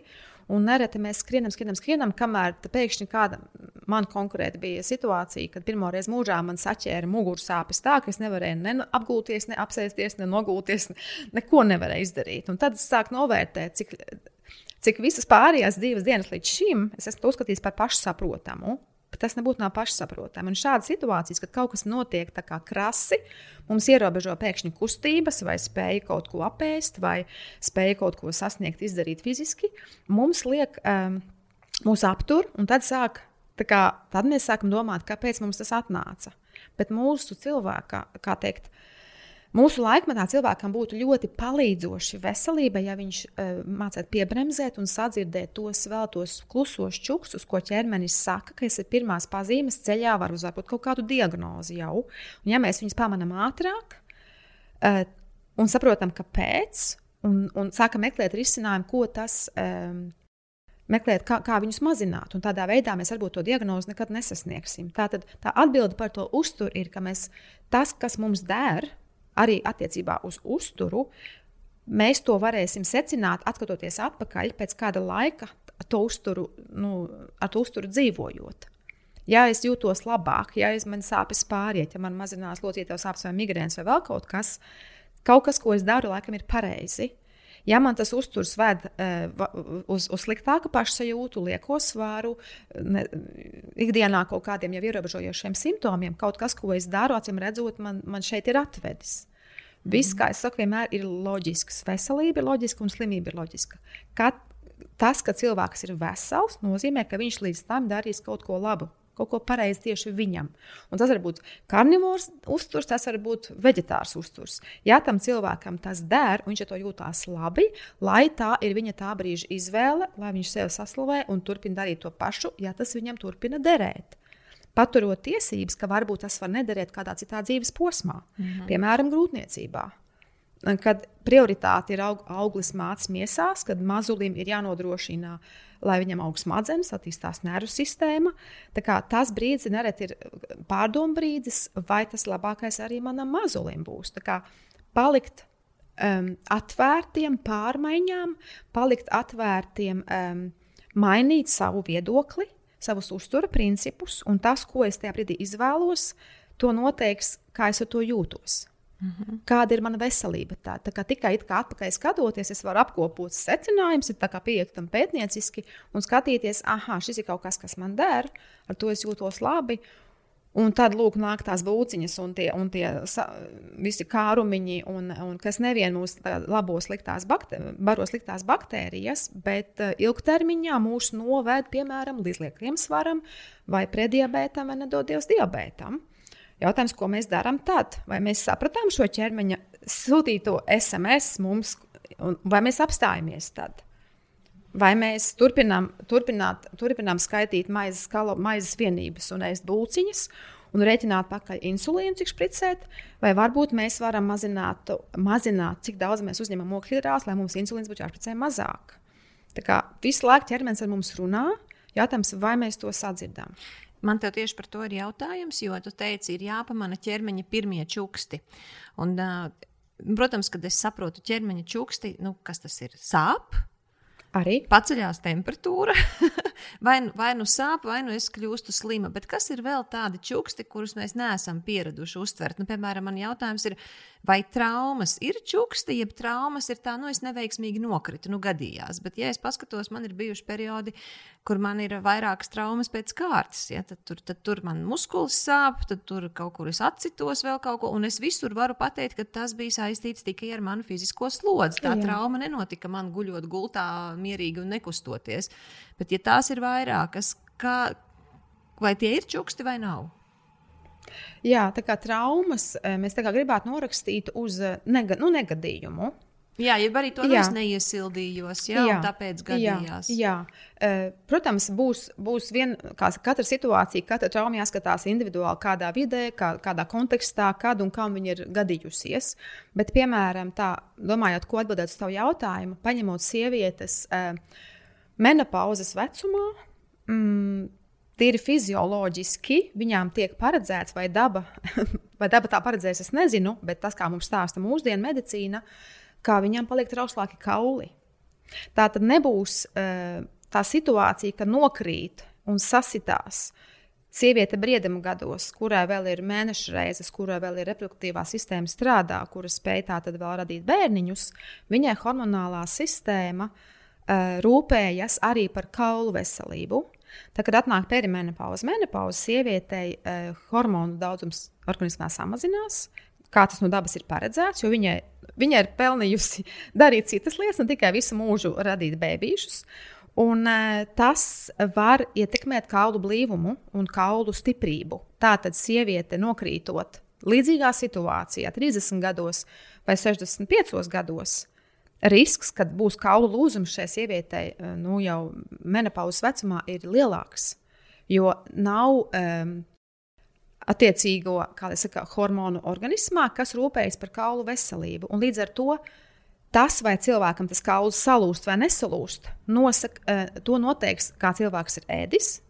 Kādā vecumā cilvēks ir, kāda fiziskā slodze bijusi, vai viņš ir sportojis un kaulu muskuļi masējuši, muskuļi masējuši kaulus, un viņi stiprāki arī tāpēc.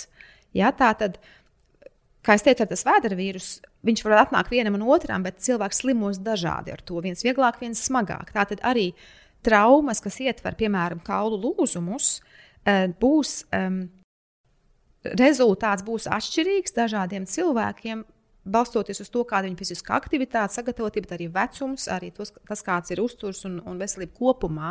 Mm -hmm. Nesalūzīs kaulu diviem cilvēkiem pilnīgi vienādi. Līdz ar to, ja tās, piemēram, traumas, vai, piemēram, cilvēks iet un visu laiku aizķerās, vai viņam ļogās potīte, nu, mēs gribētu teikt, ka tā ir trauma, bet reizē tas ir saišu vājums, reizē varbūt tās ir līdzsvaru problēmas. Tāpēc tā kā tur tās traumu gradācija var būt dažāda. Tas, ko es gribu saprast, ir par to saišu vājumu vai līdzsvara traucējumiem, vai tur var būt arī saistība ar uzturu, ja tajā gadījumā nē, saišu vājums. Tur var būt droši vien iedzimtā kaut kāda komponente, bet es atļaušos teikt, ka arī uzturam tur ir un var būt nozīme. Mm -hmm. Jā. Labi, kas ir vēl tie čuksti, kas ir tādi nu, mums neierastāki, lai mēs tos savienotu ar uzturu, bet kur ķermenis saka, klausies, man trūkst būvmateriāla, lai tu varētu būt vesela. Un uh, man nav tā, ka sāpētu, un man nav tā, ka tagad baigīs tur vienu vīrusu aiz otru noķertu. Jā. Vai šis arī ir interesants jautājums, un te es saku, varu atbildēt diezgan plaši, bet pamēģināšu tā dažos piemēros parādīt. Es gribētu, lai tu kā, mums parādītu ar to mīļo cilvēku. Ja ar tevi sāk notikt šis, šis, Jā. šis, un tā nav viena epizode, Jā. bet atkārtojas, nu, pievērs uzmanību tam, kā tu ēd. Okay. Tā tad pirmā lieta, kas nāk prātā, ir imunitāte. Tātad, ja bērniņš vai pieaugušais noķer katru garām skrejošo vīrusu, vai slimo biežāk kā divreiz gadā, un divreiz gadā arī kādam ir daudz, uh, jādomā, kā uzvedās, vai kā, ko mēs ēdam ikdienā, eh, vai mēs kustamies, vai mēs rūdamies. Lielā mērā atpakaļ skatu uz mikrobiomu, kā mēs barojam savas baktērijas, jo tās lielā mērā, ne tikai baktērijas, visus mikroorganismus, lielā mērā arī predefinē mūsu imunitāti. Tas būtu kā viens.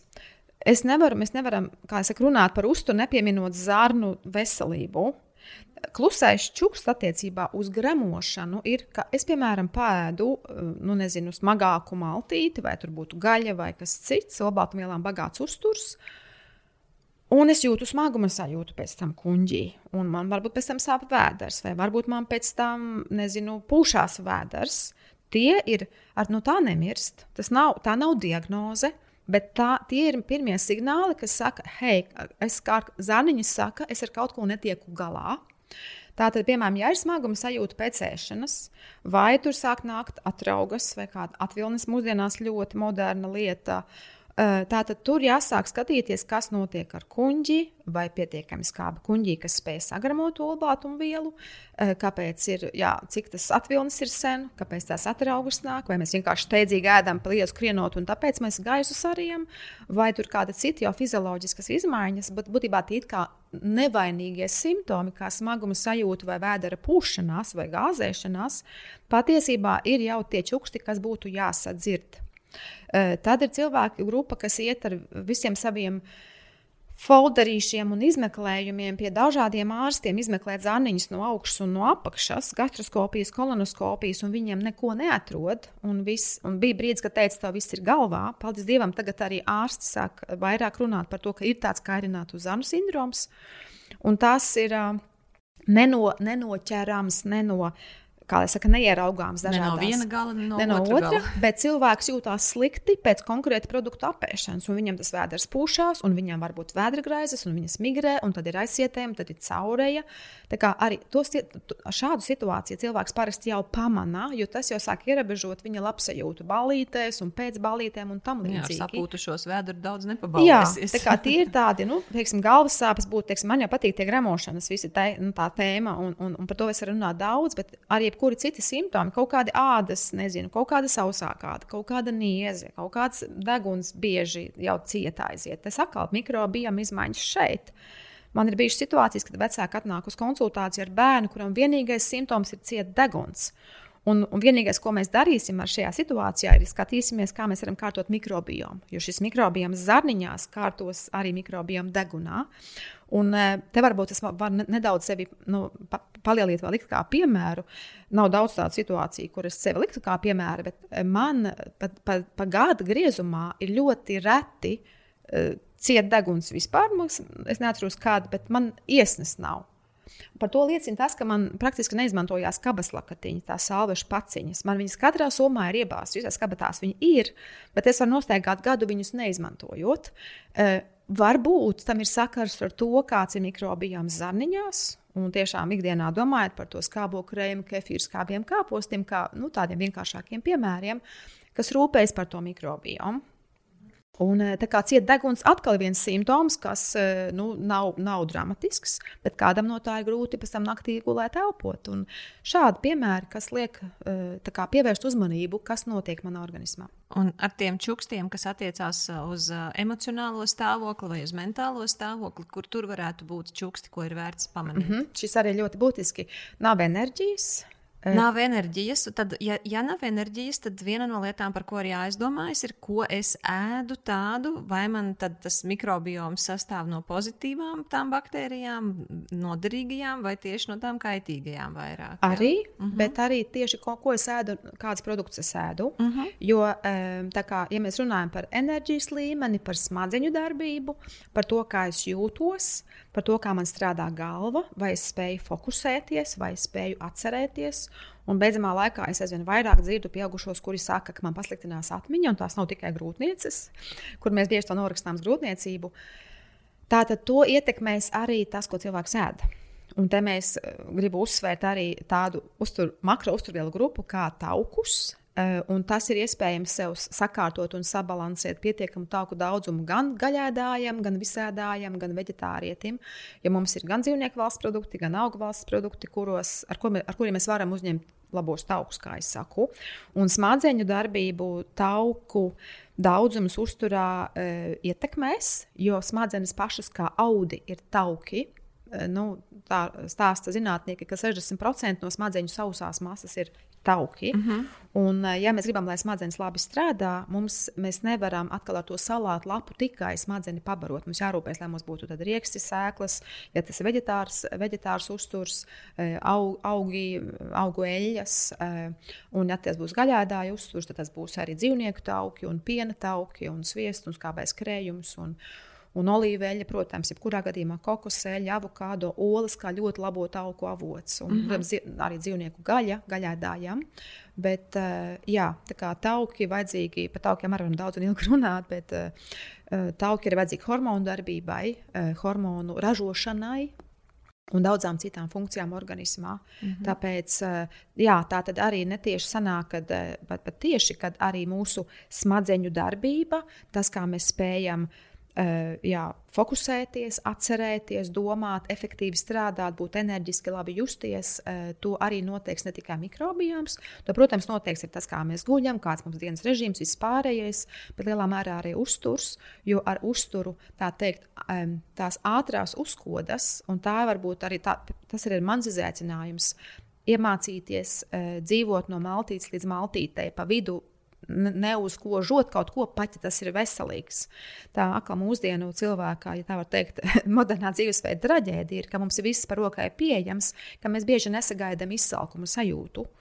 Un es esmu labākais piemērs, kurš neprot, kurš neprot man būs saulespuķu sēkliņas, vai banāniņš, vai rīkstiņš, vai kādreiz arī kāds krosāns. Kā man ir reti pēdējo gadu laikā, ar visu to, ko es zinu par uzturu, mans eh, jaunākais dēls šobrīd mani māca, kā vajag sagaidīt bada sajūtu un to kaifu, kad viņš ir izsalcis un pēd, un tad viņš saka, cik labi es tagad jūtos.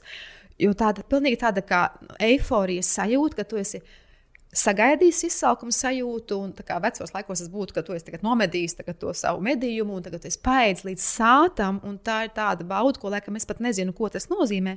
Varbūt mēs daudz nezinām, ko tas nozīmē, ja mēs tā kā ēdam visu laiku pa višķim. Uh mhm. -huh. Un, eh, jā, tā tad arī, protams, eh, un tad ir šie saldumi, kādam ienāk ēdienkartē, un mums, tie mums iedod šķietamo enerģiju mazam brīdim, pacelt to glikozi asinīs, To ieraudzīja insulīns, aizkuņa ziedzers, izdala insulīnu, uh -huh. atkal viņa nu, iegrūž šūnās, atkal mums enerģijas nav. Tā mēs ejam tā kā tādi raustām kociņi, raustām lēlītes. Enerģija ir, enerģijas nav visu laiku pa to dienu.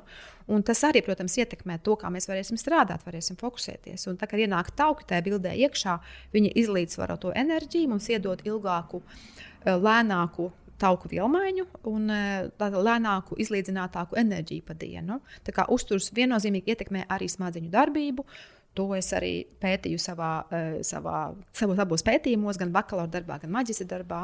Strādājot, tad maģistra darbā es pētīju uh, bērniņus ar autiskā spektra traucējumiem un skatījāmies, kā GAPS uzturs, tātad samazināt ogļhidrātu satura ēdienkarte, kā palīdz viņiem uh, mazināt autiskā spektra izpausmes, kas ir būtībā nu, labs, saka, labs liels rezultāts. Un tas um, procentuāli novērtējot to ieguvumu, e, da, pa dažādām anketām novērtējot šos bērnus, trīs mēnešus viņiem dzīvojot pēc GAPS ēdienkartes.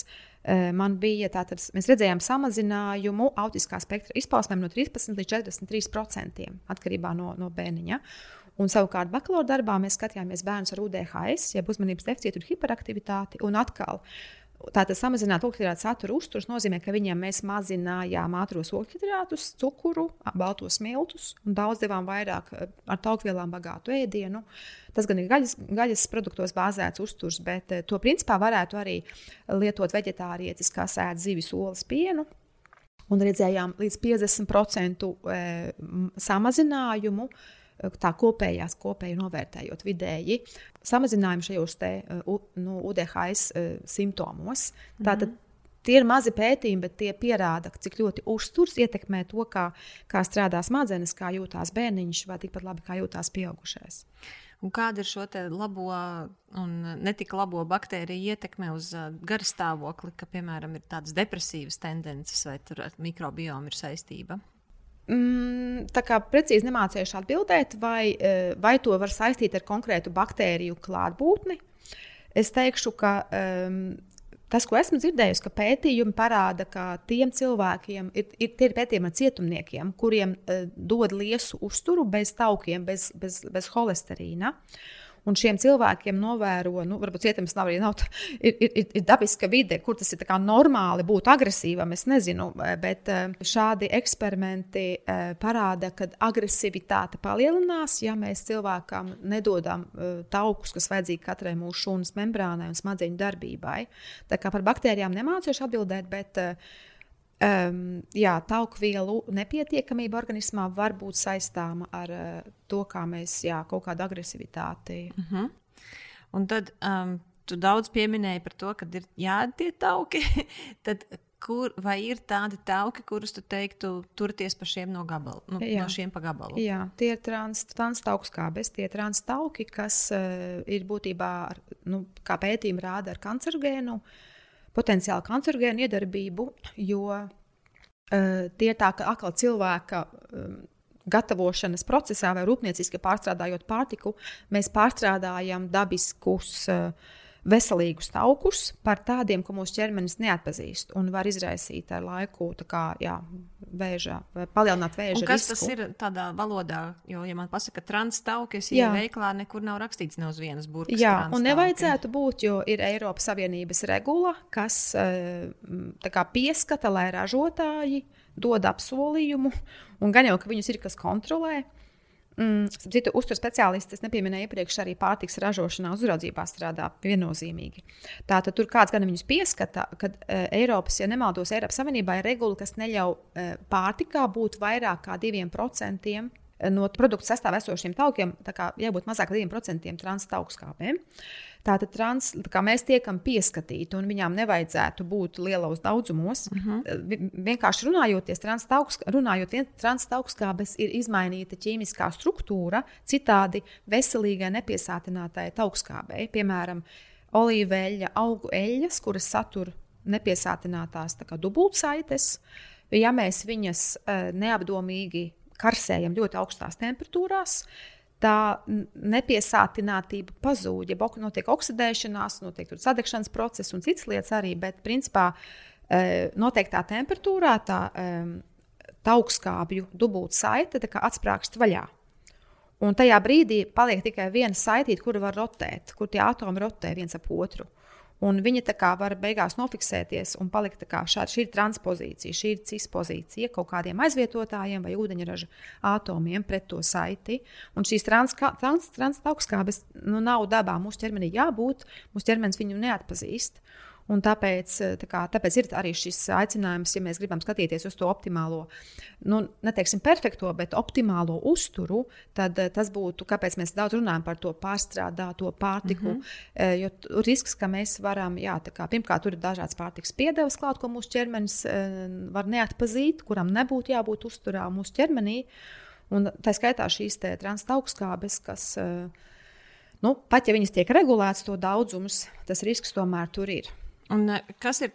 Kā, kā, no kā ir jāizvairās gatavošanas procesā, lai nenotiek tā, ka es varbūt paņemu savu ļoti veselīgo olīveļu un no tās uztaisu kaut ko nerektīgu, vai kokosēļu, vai, vai, vai vispār kas ir jāzina arī par eļļām, lai nenonāktu pie tā, ka arī mājas apstākļos gatavojot ēdienu, nu, gan drīz vai no nulles, tomēr es uz, uzrīkoju transtaugskābju lielu rautu.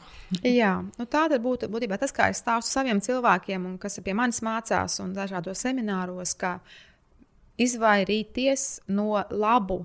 Citādi veselīgu eh, augu eļļu sabojāšanas uz pannas. Un kā mēs viņus sabojājam? Lūdzu, konkrēti. Jā, vienkārši cepot eļļā. Tas, tas iekš kā mēs kā varam droši cept, skatoties no, no tauku ķīmiskā viedokļa. Ja? Ir piesātinātie tauki. Tie būs dzīvnieku tauki, kā mūsu senču cepa un tecināja cūku tauciņus vispārējo.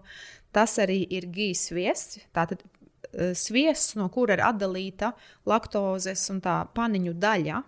Ja mēs pērkam paciņu sviestu veikalā, 82% tauki. Tātad 18% tas kaut kas, kas nav tauki, Tieši tie 18% tās olbaltumviela, tā laktoze, kas jau pišķi palicis klāt mm -hmm. tiesas ražošanas procesā, ir tie, kas deg uz pannas. Ja mēs cepam sviestā, mēs gandrīz varētu cept arī sviestā mierīgi, bet tie 18% e, netauku, tie būs tie, kas degs un dos to melnumiņu. To atkal mēs negribam. Jā. Tā, ja, mēs, ja, ja mēs lietojam uzturā sviestu, mēs varam ļoti viegli, mierīgi viņu izkausēt cepeškrāsnī, atdalot tos 18% pāniņu nost. Un mēs paliekam tikai ar tīriem gūst piena taukiem. Un tādos mēs droši varam cept, un tie ir piesātinātie tauki, un tie nemainīs ķīmisko struktūru. Un kas ir ar augu taukiem? Kokas riekstu eļļa arī varam cept. Pārsvarā tā ir piesātinātie tauki.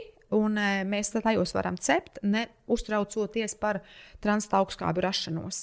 Kamēr augu eļļas, ļoti veselīgā uh, olīveļa, ko vajag un, un lietot uzturā visur, kur vien var pievienot, salātos, zupās, uz dārziņiem. Uh, un smūtijos, un kur tik vēl ne, bet viņu nevajadzētu cept pannā. Jo lai cik uh, citi uzturs speciālisti un ārsti runā par šiem dūmošanas punktiem, uh, līdz kurām es varu droši cept to savu eļļu, un aiz kura vairs nē, mm -hmm. jo tad viņi sāk, virs kuras vairs nē, kā, tad viņi sāk sadegt tur, un arī lielāks risks šiem transaugstskābēm veidoties. Um, Nu, es nezinu, es te ar termometru pannās, pannē blakus nestāvu, un es nezinu, kā es to varu izmērīt. Un trakākais ir tas, ka tā, tad, kad viņi sāk jau dūmot un degt, viņi jau pārūgļojas. Es jau nezinu, kurā temperatūrā viņa sāk, e, tā dubultsaitīte sāk e, jau ķīmiski palikt nestabila un sāk veidoties transaugstskābes, pirms viņa vēl sāk sadegt mm -hmm. kā, kā organisks, e, nu, organiska mat matērija. Mm -hmm. Tāpēc es saku, nebojāt to. Nevajag likt uz pannas. Tā kā kādreiz es atceros, virtuvē stāvēja bieži vien saules puķeļi, turpat blakus Jā. plītī. Uh, man, man tagad mājās stāv olīveļi, tad es saprotu, es to olīveļu aizvācu un tur paliek tikai kokoseļas burkai. To olīveļu vajag turēt leduskapī. Un viņi vajag izmantot, uh, izmantot jā, zupām klāt, viņu termiski nekarsēt, uh, bet izmantot viņas piedāvātos labumus uh, svaigā veidā. Uh mhm. -huh. Un, tad, un, un, kas, kas ir ar saulespuķeļu? Tas pats visas augu eļļas. Augu eļļas atšķirsies ar ķīmisko sastāvu, kādas nepiesātinātās augstskābes būs tās eļļas sastāvā. Un viņas visas būs jutīgas uz temperatūru, uz gaismu, uz, uz karstumu. Bet kokosēļa arī ir augu eļļa. Jā, bet tur ir pārsvarā ir e, piesātinātās augstskābes. Tad to mēs varam turēt jā, pie plīts un, un, un jā, ceptajā. Ja? Jā. Labi, e, vēl, vien, jā, vēl viens jautājums ir par uzturvielām, par mikro un makro. Jo okay. ar makro uzturvielām mēs saprotam, es, ja es pareizi sajēdzu, uh, olbaltumvielas, ogļhidrātus un uh, taukus. Ja? Pareizi. Un tas, tad, kad es sarunājos ar Mārtiņu Bidiņu, nu, tad, tad tas, ko viņš uzsver, ir jāuzņem tur pietiekams daudzums, adekvātas proporcijas, cik ir ogļhidrāti, cik tur ir um, tauki, cik ir uh, olbaltumvielas. Mm -hmm. Un vienlaicīgi ir cilvēki, kas saka, ka ir ļoti būtiskas tieši tās mikrouzturvielas. Uh, Piemēram, doktora Briedis par to ļoti uzsvēra. Un ir atkal speciālisti, kas saka, ka nu, tas nav tik būtiski. Galvenais, ka tu to makro uzņem pareizajā devā. Nu, Uzturzinātnieka viedokļa, kā ir? Jā. Uh, pareizi būtu tā, kā dabā tas ir mums paredzēts. Ko tas nozīmē? Ka mēs ēdam vienkāršu, nesabojātu pārtiku, kurā mm -hmm. ir gan visas trīs makrouzturvielu grupas, tātad olbaltumvielas, ogļhidrāti, tauki, Bet produkti, eh, ēdienu, ko mēs gatavojam no, dabā, no dabas, teikt, no dabas nākušiem, eh, no dabas nākušām izēvielām, mm -hmm. protams, saturēs ne tikai šīs makrouzturvielu grupas, bet arī vitamīnus, mikroelementus, dažādus fermentus, dažādus aizsardzības faktorus. Man patīk kā, nosaukt to visus par, par kofaktoriem, kas ir tik ļoti būtiski um, arī mūsu veselībā. Un, um, līdz ar to, tā, kad tu iepriekš runāji par to pārtikas dažādošanu, tas jau arī ietver to, ka tas dabiskais nesabojātais uzturs no laukiem, ideālā gadījumā ekoloģiski audzēts, viņš mums piegādās to uzturvielu buķeti, mm -hmm. gan tās makro uzturvielas, gan visu to tā teikt mazo koferīti līdzi, kas palīdzēs tam gan tai makro uzturvielu vielmaiņai organismā, gan rūpēsies par imunitāti. Nu, piemēram, nu, banāls piemērs par, par anēmiju, kas ir arī diezgan tipiska lieta daudzām grūtniecēm, kad dzelzceļa deficīta anēmija. Un, um, Pat ja mēs ēdam olbaltumvielas, un, piemēram, hemoglobīns ir olbaltumviela, hemoglobīns ir tas, kurš piesaista gan to dzelzi, gan to skābekli un aiznes uz katru mūsu šūniņu. Tātad mēs varam ēst uh, olbaltumvielas uh, tīri struktūrāli, kā būvķieģelīti. Bet mums jau jāpiegādā arī tas dzelzs, kā mikroelements, lai uh, nodrošinātu iespēju šai olbaltumvielai hemoglobīnam piesaistīt skābekli un pārnēst, pārnēsāt uz katru mūsu šūnu.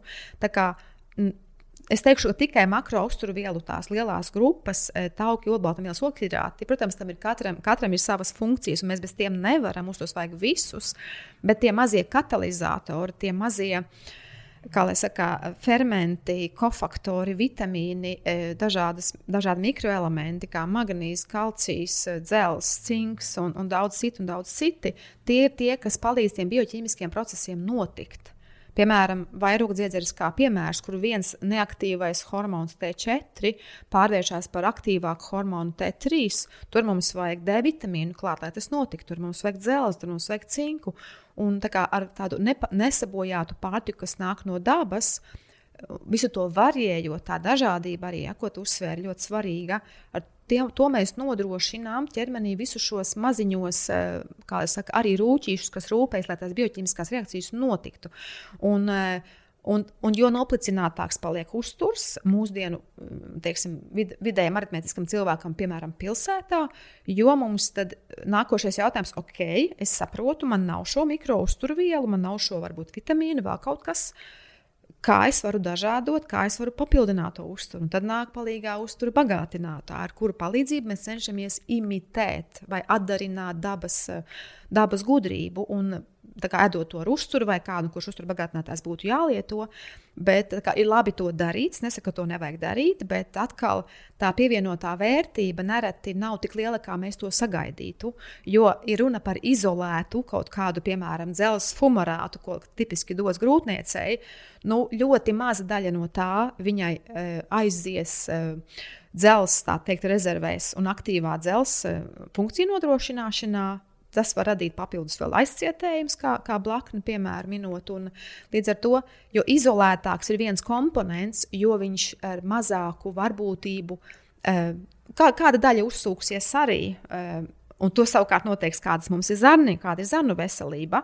Bet uh, jo viņš ir tīrāks, izolētāks, jo viņš ienāk tā kā viņš ir vienītī strādā mūsu organismā. Mm -hmm. Un ķermenim vajag viņu pieņemt, adaptēt, atpazīt, lai viņš aizietu tajos procesos iekšā tālāk. Mm -hmm. tā kā, jo daudzveidīgāks tas nāk ar uzturu, jo tas ir ķermenim atpazīstamāk. Jo izolētāks, attīrītāks tas nāk, jo tas ir uh, mazāku uh, efektu var dot no sagaidāmā.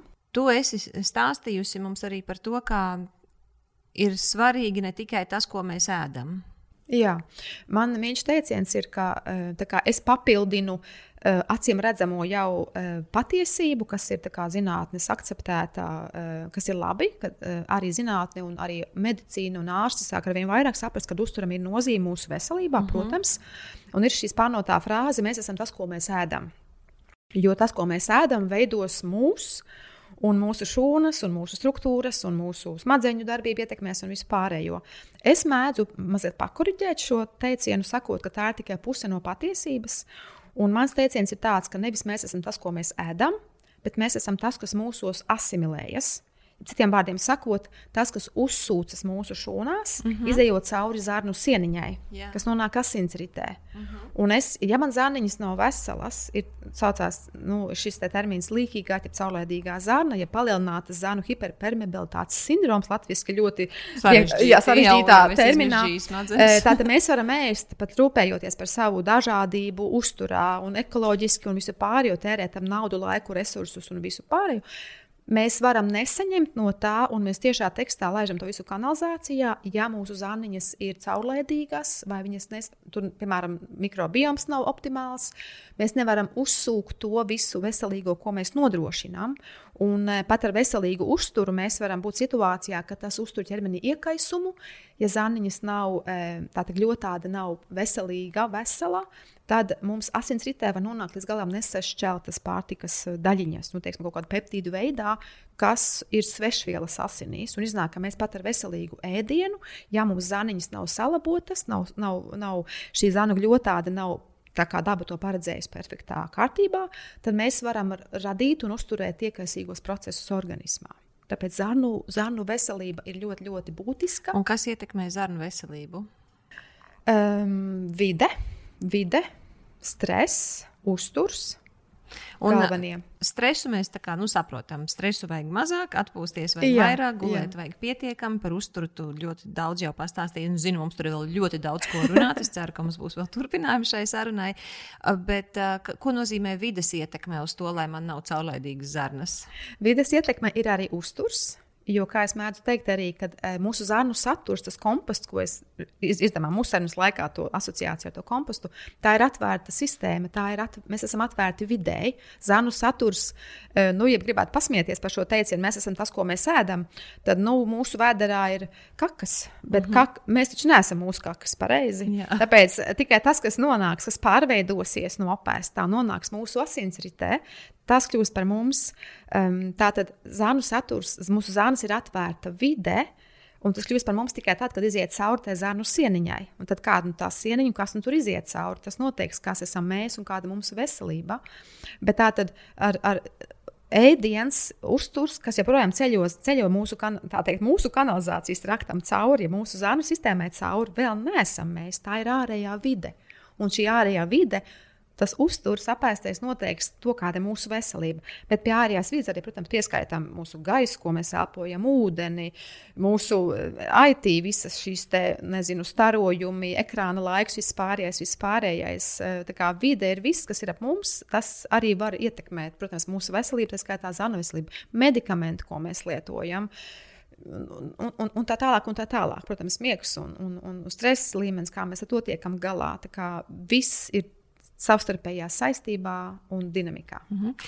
Silvija, eh, par saldētiem produktiem man ir daudz jautājumu, bet eh, nu, tas būtiskākais, jo es varu sagatavot ļoti dažādīgu uzturu, ka tas sastāv no ļoti nu, daudzveidīgi produkti iekšā. Jā. Un uh, vienlaicīgi, ja man tas ir jādara katru dienu, tas tur nekas labs nesanāks. Jā. Jo tad vienu dienu es uztaisīšu, varbūt divas dienas uztaisīšu, un tad es pateikšu, ejiet, jūs pa gaisu ēdiet kaut vai savus pīcis vienkārši. un tāpēc tas, ko es daru, es gatavoju ēdienu ļoti lielā daudzumā. Es taisu milzīgāko katlu, Bet uh, manai ģimenei nepatīk ēst vienu un to pašu ēdienu divas dienas no vietas. Tās ir ļoti jocīgi, ja mēs divas dienas no vietas esam ēduši vienas un tās pašas pusdienas. Tāpēc es saldēju to ēdienu. Cik es zaudēju uzturvērtībā, tāpēc ka es sasaldēju. Jā. Jā, tur ir iekšā, tur ir iekšā kāpos, tur ir iekšā nu, burkāns un kartupelis un uh, mangoldas. Un es varu ļoti, ļoti daudz nosaukt. Tiešām Jā. tas Jā. saturs ir ļoti liels, kas ir iekšā. Bet, uh, ja es to saldēju, cik tas zaudēju? Saldēšana ir ļoti lielisks veids, kā mēs varam saglabāt savu ēdienu, arī porciju veidā, ko to malacīts arī dara. Un es teiktu tā, ka, ja mums ir izvēle starp pirkt, piemēram, saldētu kaut kādu produkciju pat veikalā vai nepirkt to nemaz, tad labāk mēs pērkam un lietojam uz veselības saldēto produkciju. Ja mēs paši gatavojam mājās un to sasaldējam, Kas var būt labāks par šo? Fantastiski, jo tas mums dod iespējas pēc tam pirmkārt plānot maldītes un paņemt no tās saldētājas to kastīti, tā ka mums nav laika sagatavot. Un saldēšana nekādā veidā nemazina uh, uzturvērtību uh, lielākajai daļai uzturvielu, kas tur ir iekšā. Tas ir tas Vitamīni nemazina. būs tie, kas uh, daļai zaudēs savu uh, daudzumu, jeb aktivitāti, bet makro uzturvielas tur būs tās pašas, mikroelementi būs tie būs paši. Pašas, jā. Lielā mērā es teiktu, ka jā. Un mikroelementi, tas kā, kas tas būtu? Tas cinks, cinks magnīs, kalcijs. Tie būs. Jā, tas, jā, kas mainīsies, jā, ir vitamīns, C vitamīns, jā. kāds vēl vitamīns tiek uh, ietekmēts kā, saldē. Ūde, es kā jāpadomā par tauku šķīstošiem vitamīniem, kas ar to notiek. Es varētu tagad pafantazēt, ka tie varētu būt stabilāki, bet nu, tas ir jāpapēt, jāpalasa. Bet ūdenī šķīstošie vitamīni zaudēs uh, nu, kaut kādu varbūt B vitamīnu nedaudz. Tur varētu skatīties pētījumus, kā kurš vitamīns zaudē aktivitāti. Uh, glabājot vai saldējot. Mēs zinām, ka karsējot arī, protams, vārot mēs daļu zaudējam, bet eh, kā, vairums, eh, es teiktu, mikroelementu. Ja, Varbūt pat visi mikroelementi, makrostruvielas, tās paliks tur, turpatās, kur bijušas.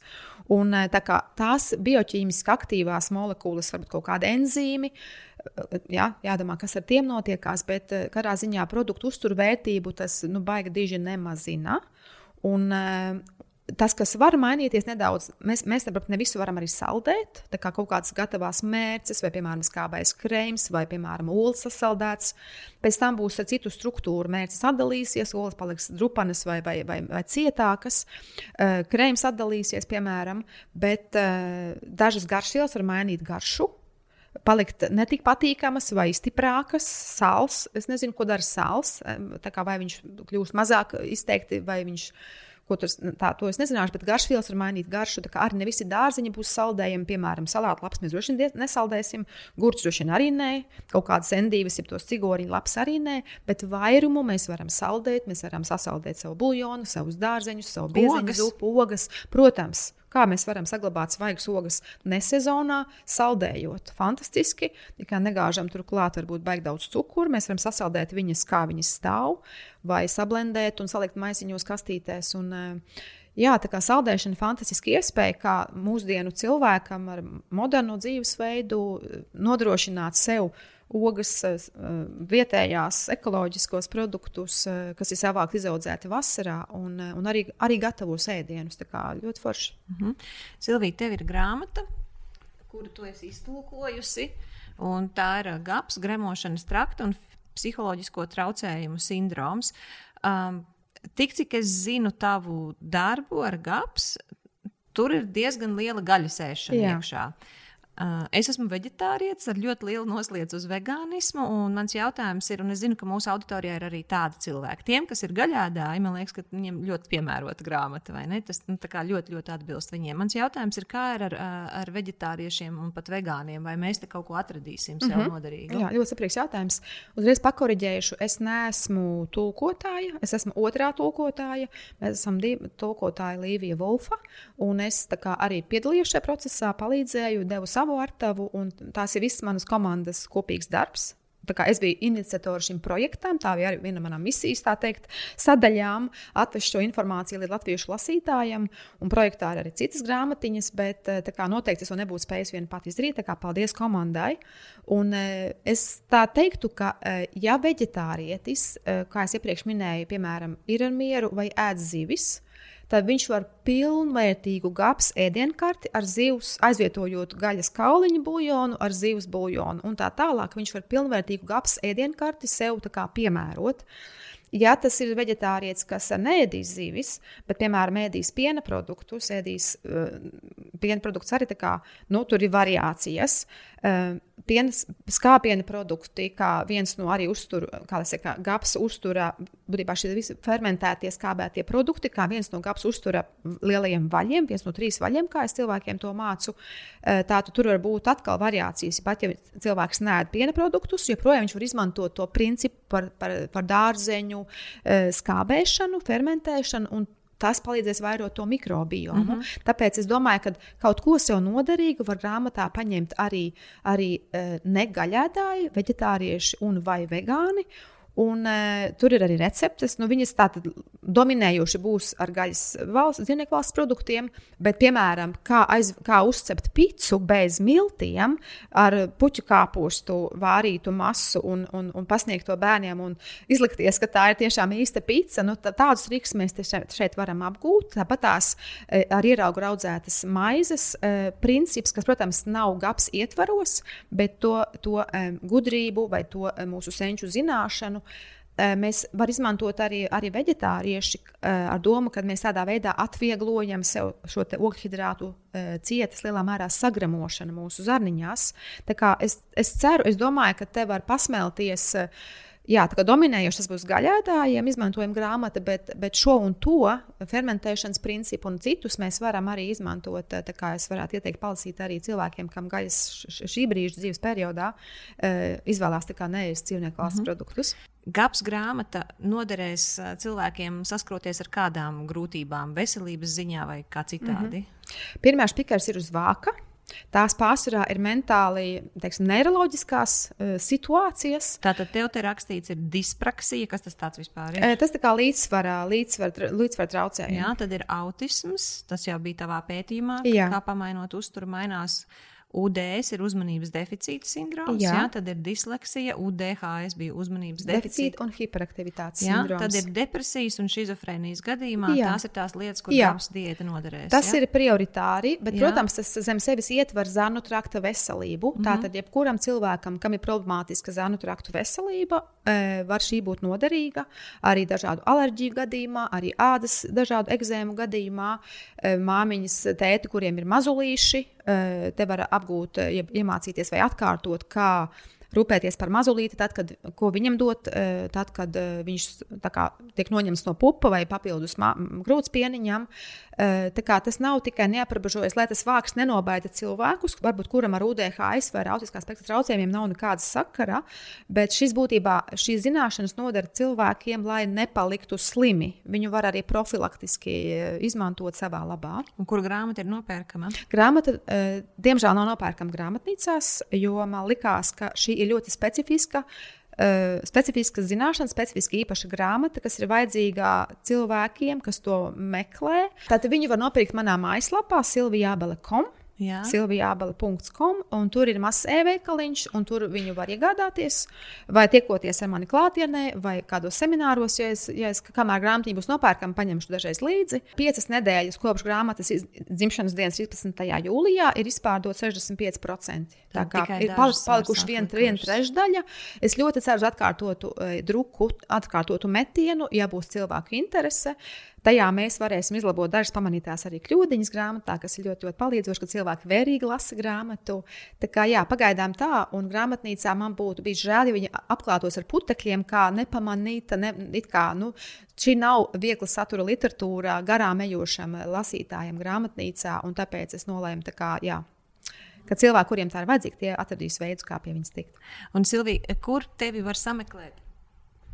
Tie cilvēki, kas uh, grib ar tevi konsultēties, vai ir tāda iespēja, un, un, un tie, kas vēlas atkal tevi uzaicināt vai nu uz savu uzņēmumu, vai uz savu pasākumu, lai labāk saprastu par savu veselību.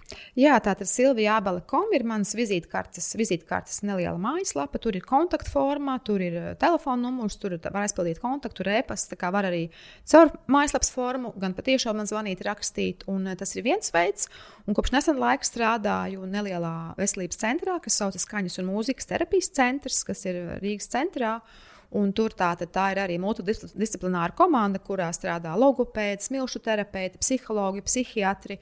Uh, vizuālās un plastiskās mākslas terapeiti un daudz citu speciālisti. Un tagad es esmu viņiem arī kā uzturu speciālists. Un, uh, jā, tā kā arī tur mani var, var, var meklēt. Un, uh, vienoties par konsultāciju un uh, strādāsim, darbosimies kopā. Silvija, man te jāsaka ļoti liels paldies par to, kā tu izstāstīji par mikrobiomu. Man šķiet, ka man vēl līdz šim nekad nav bijusi tāda motivācija vēl vairāk parūpēties par to, ko es ēdu. Uh, tieši aiz tā, nu, cik tā mikrobioma veselība nosaka manu veselību un nosaka manu pašsajūtu. Kā liels tev paldies par to, ka tu šo veselību. Man liekas, ka tas ir, tas ir pats grūtākais, jo tu paldies. man vari pateikt, kas man jādara, kas man nav jādara, bet tas man neiedod vēl tādu motivāciju labās dienās es to varu, bet šī sapratne par mikrobiomu man palīdzēs ne tikai labās dienās. Jā, Jā protams, es arī grēkošu tos, tos 20% maksimumu, ko ir atļauts. Noteikti bišķi vairāk, bet uh, es, tas, tas man palīdzēs turēties paldies. pie sakarīgākas ēšanas. Un paldies, Laura, tev un tavai komandai par iespēju šeit parunāties par uzturu un, un, un veselību un zanu traktu un visām šīm lietām. Vienmēr prieks un paldies par darbu, ko tu dari. Jā, kā nesot dažāda veida zināšanas un iedvesmas stāstus līdz cilvēkiem, kas ir tava auditorija. Tā liels paldies! Jā, mums cilvēki jau tā veicās, mums ir superīgākā auditorija. Liels paldies sarunu! Man ir lūgums tev. Uh, Padomā, kas tev noderēja no šīs sarunas, un kādi vēl jautājumi par uzturu tev ir aktuāli. Uh, atsūti man vai Silvijai tos, vai arī mums abām divām, un mēs skatīsimies, uh, kāds ir cilvēku jaudas domu biedru tāds, nezinu, vai pieprasījums vai vajadzības, lai saprastu par to, kā mēs rīkojam mūsu nākošo sarunu. Lielas tev paldies, ja to izdarīsi!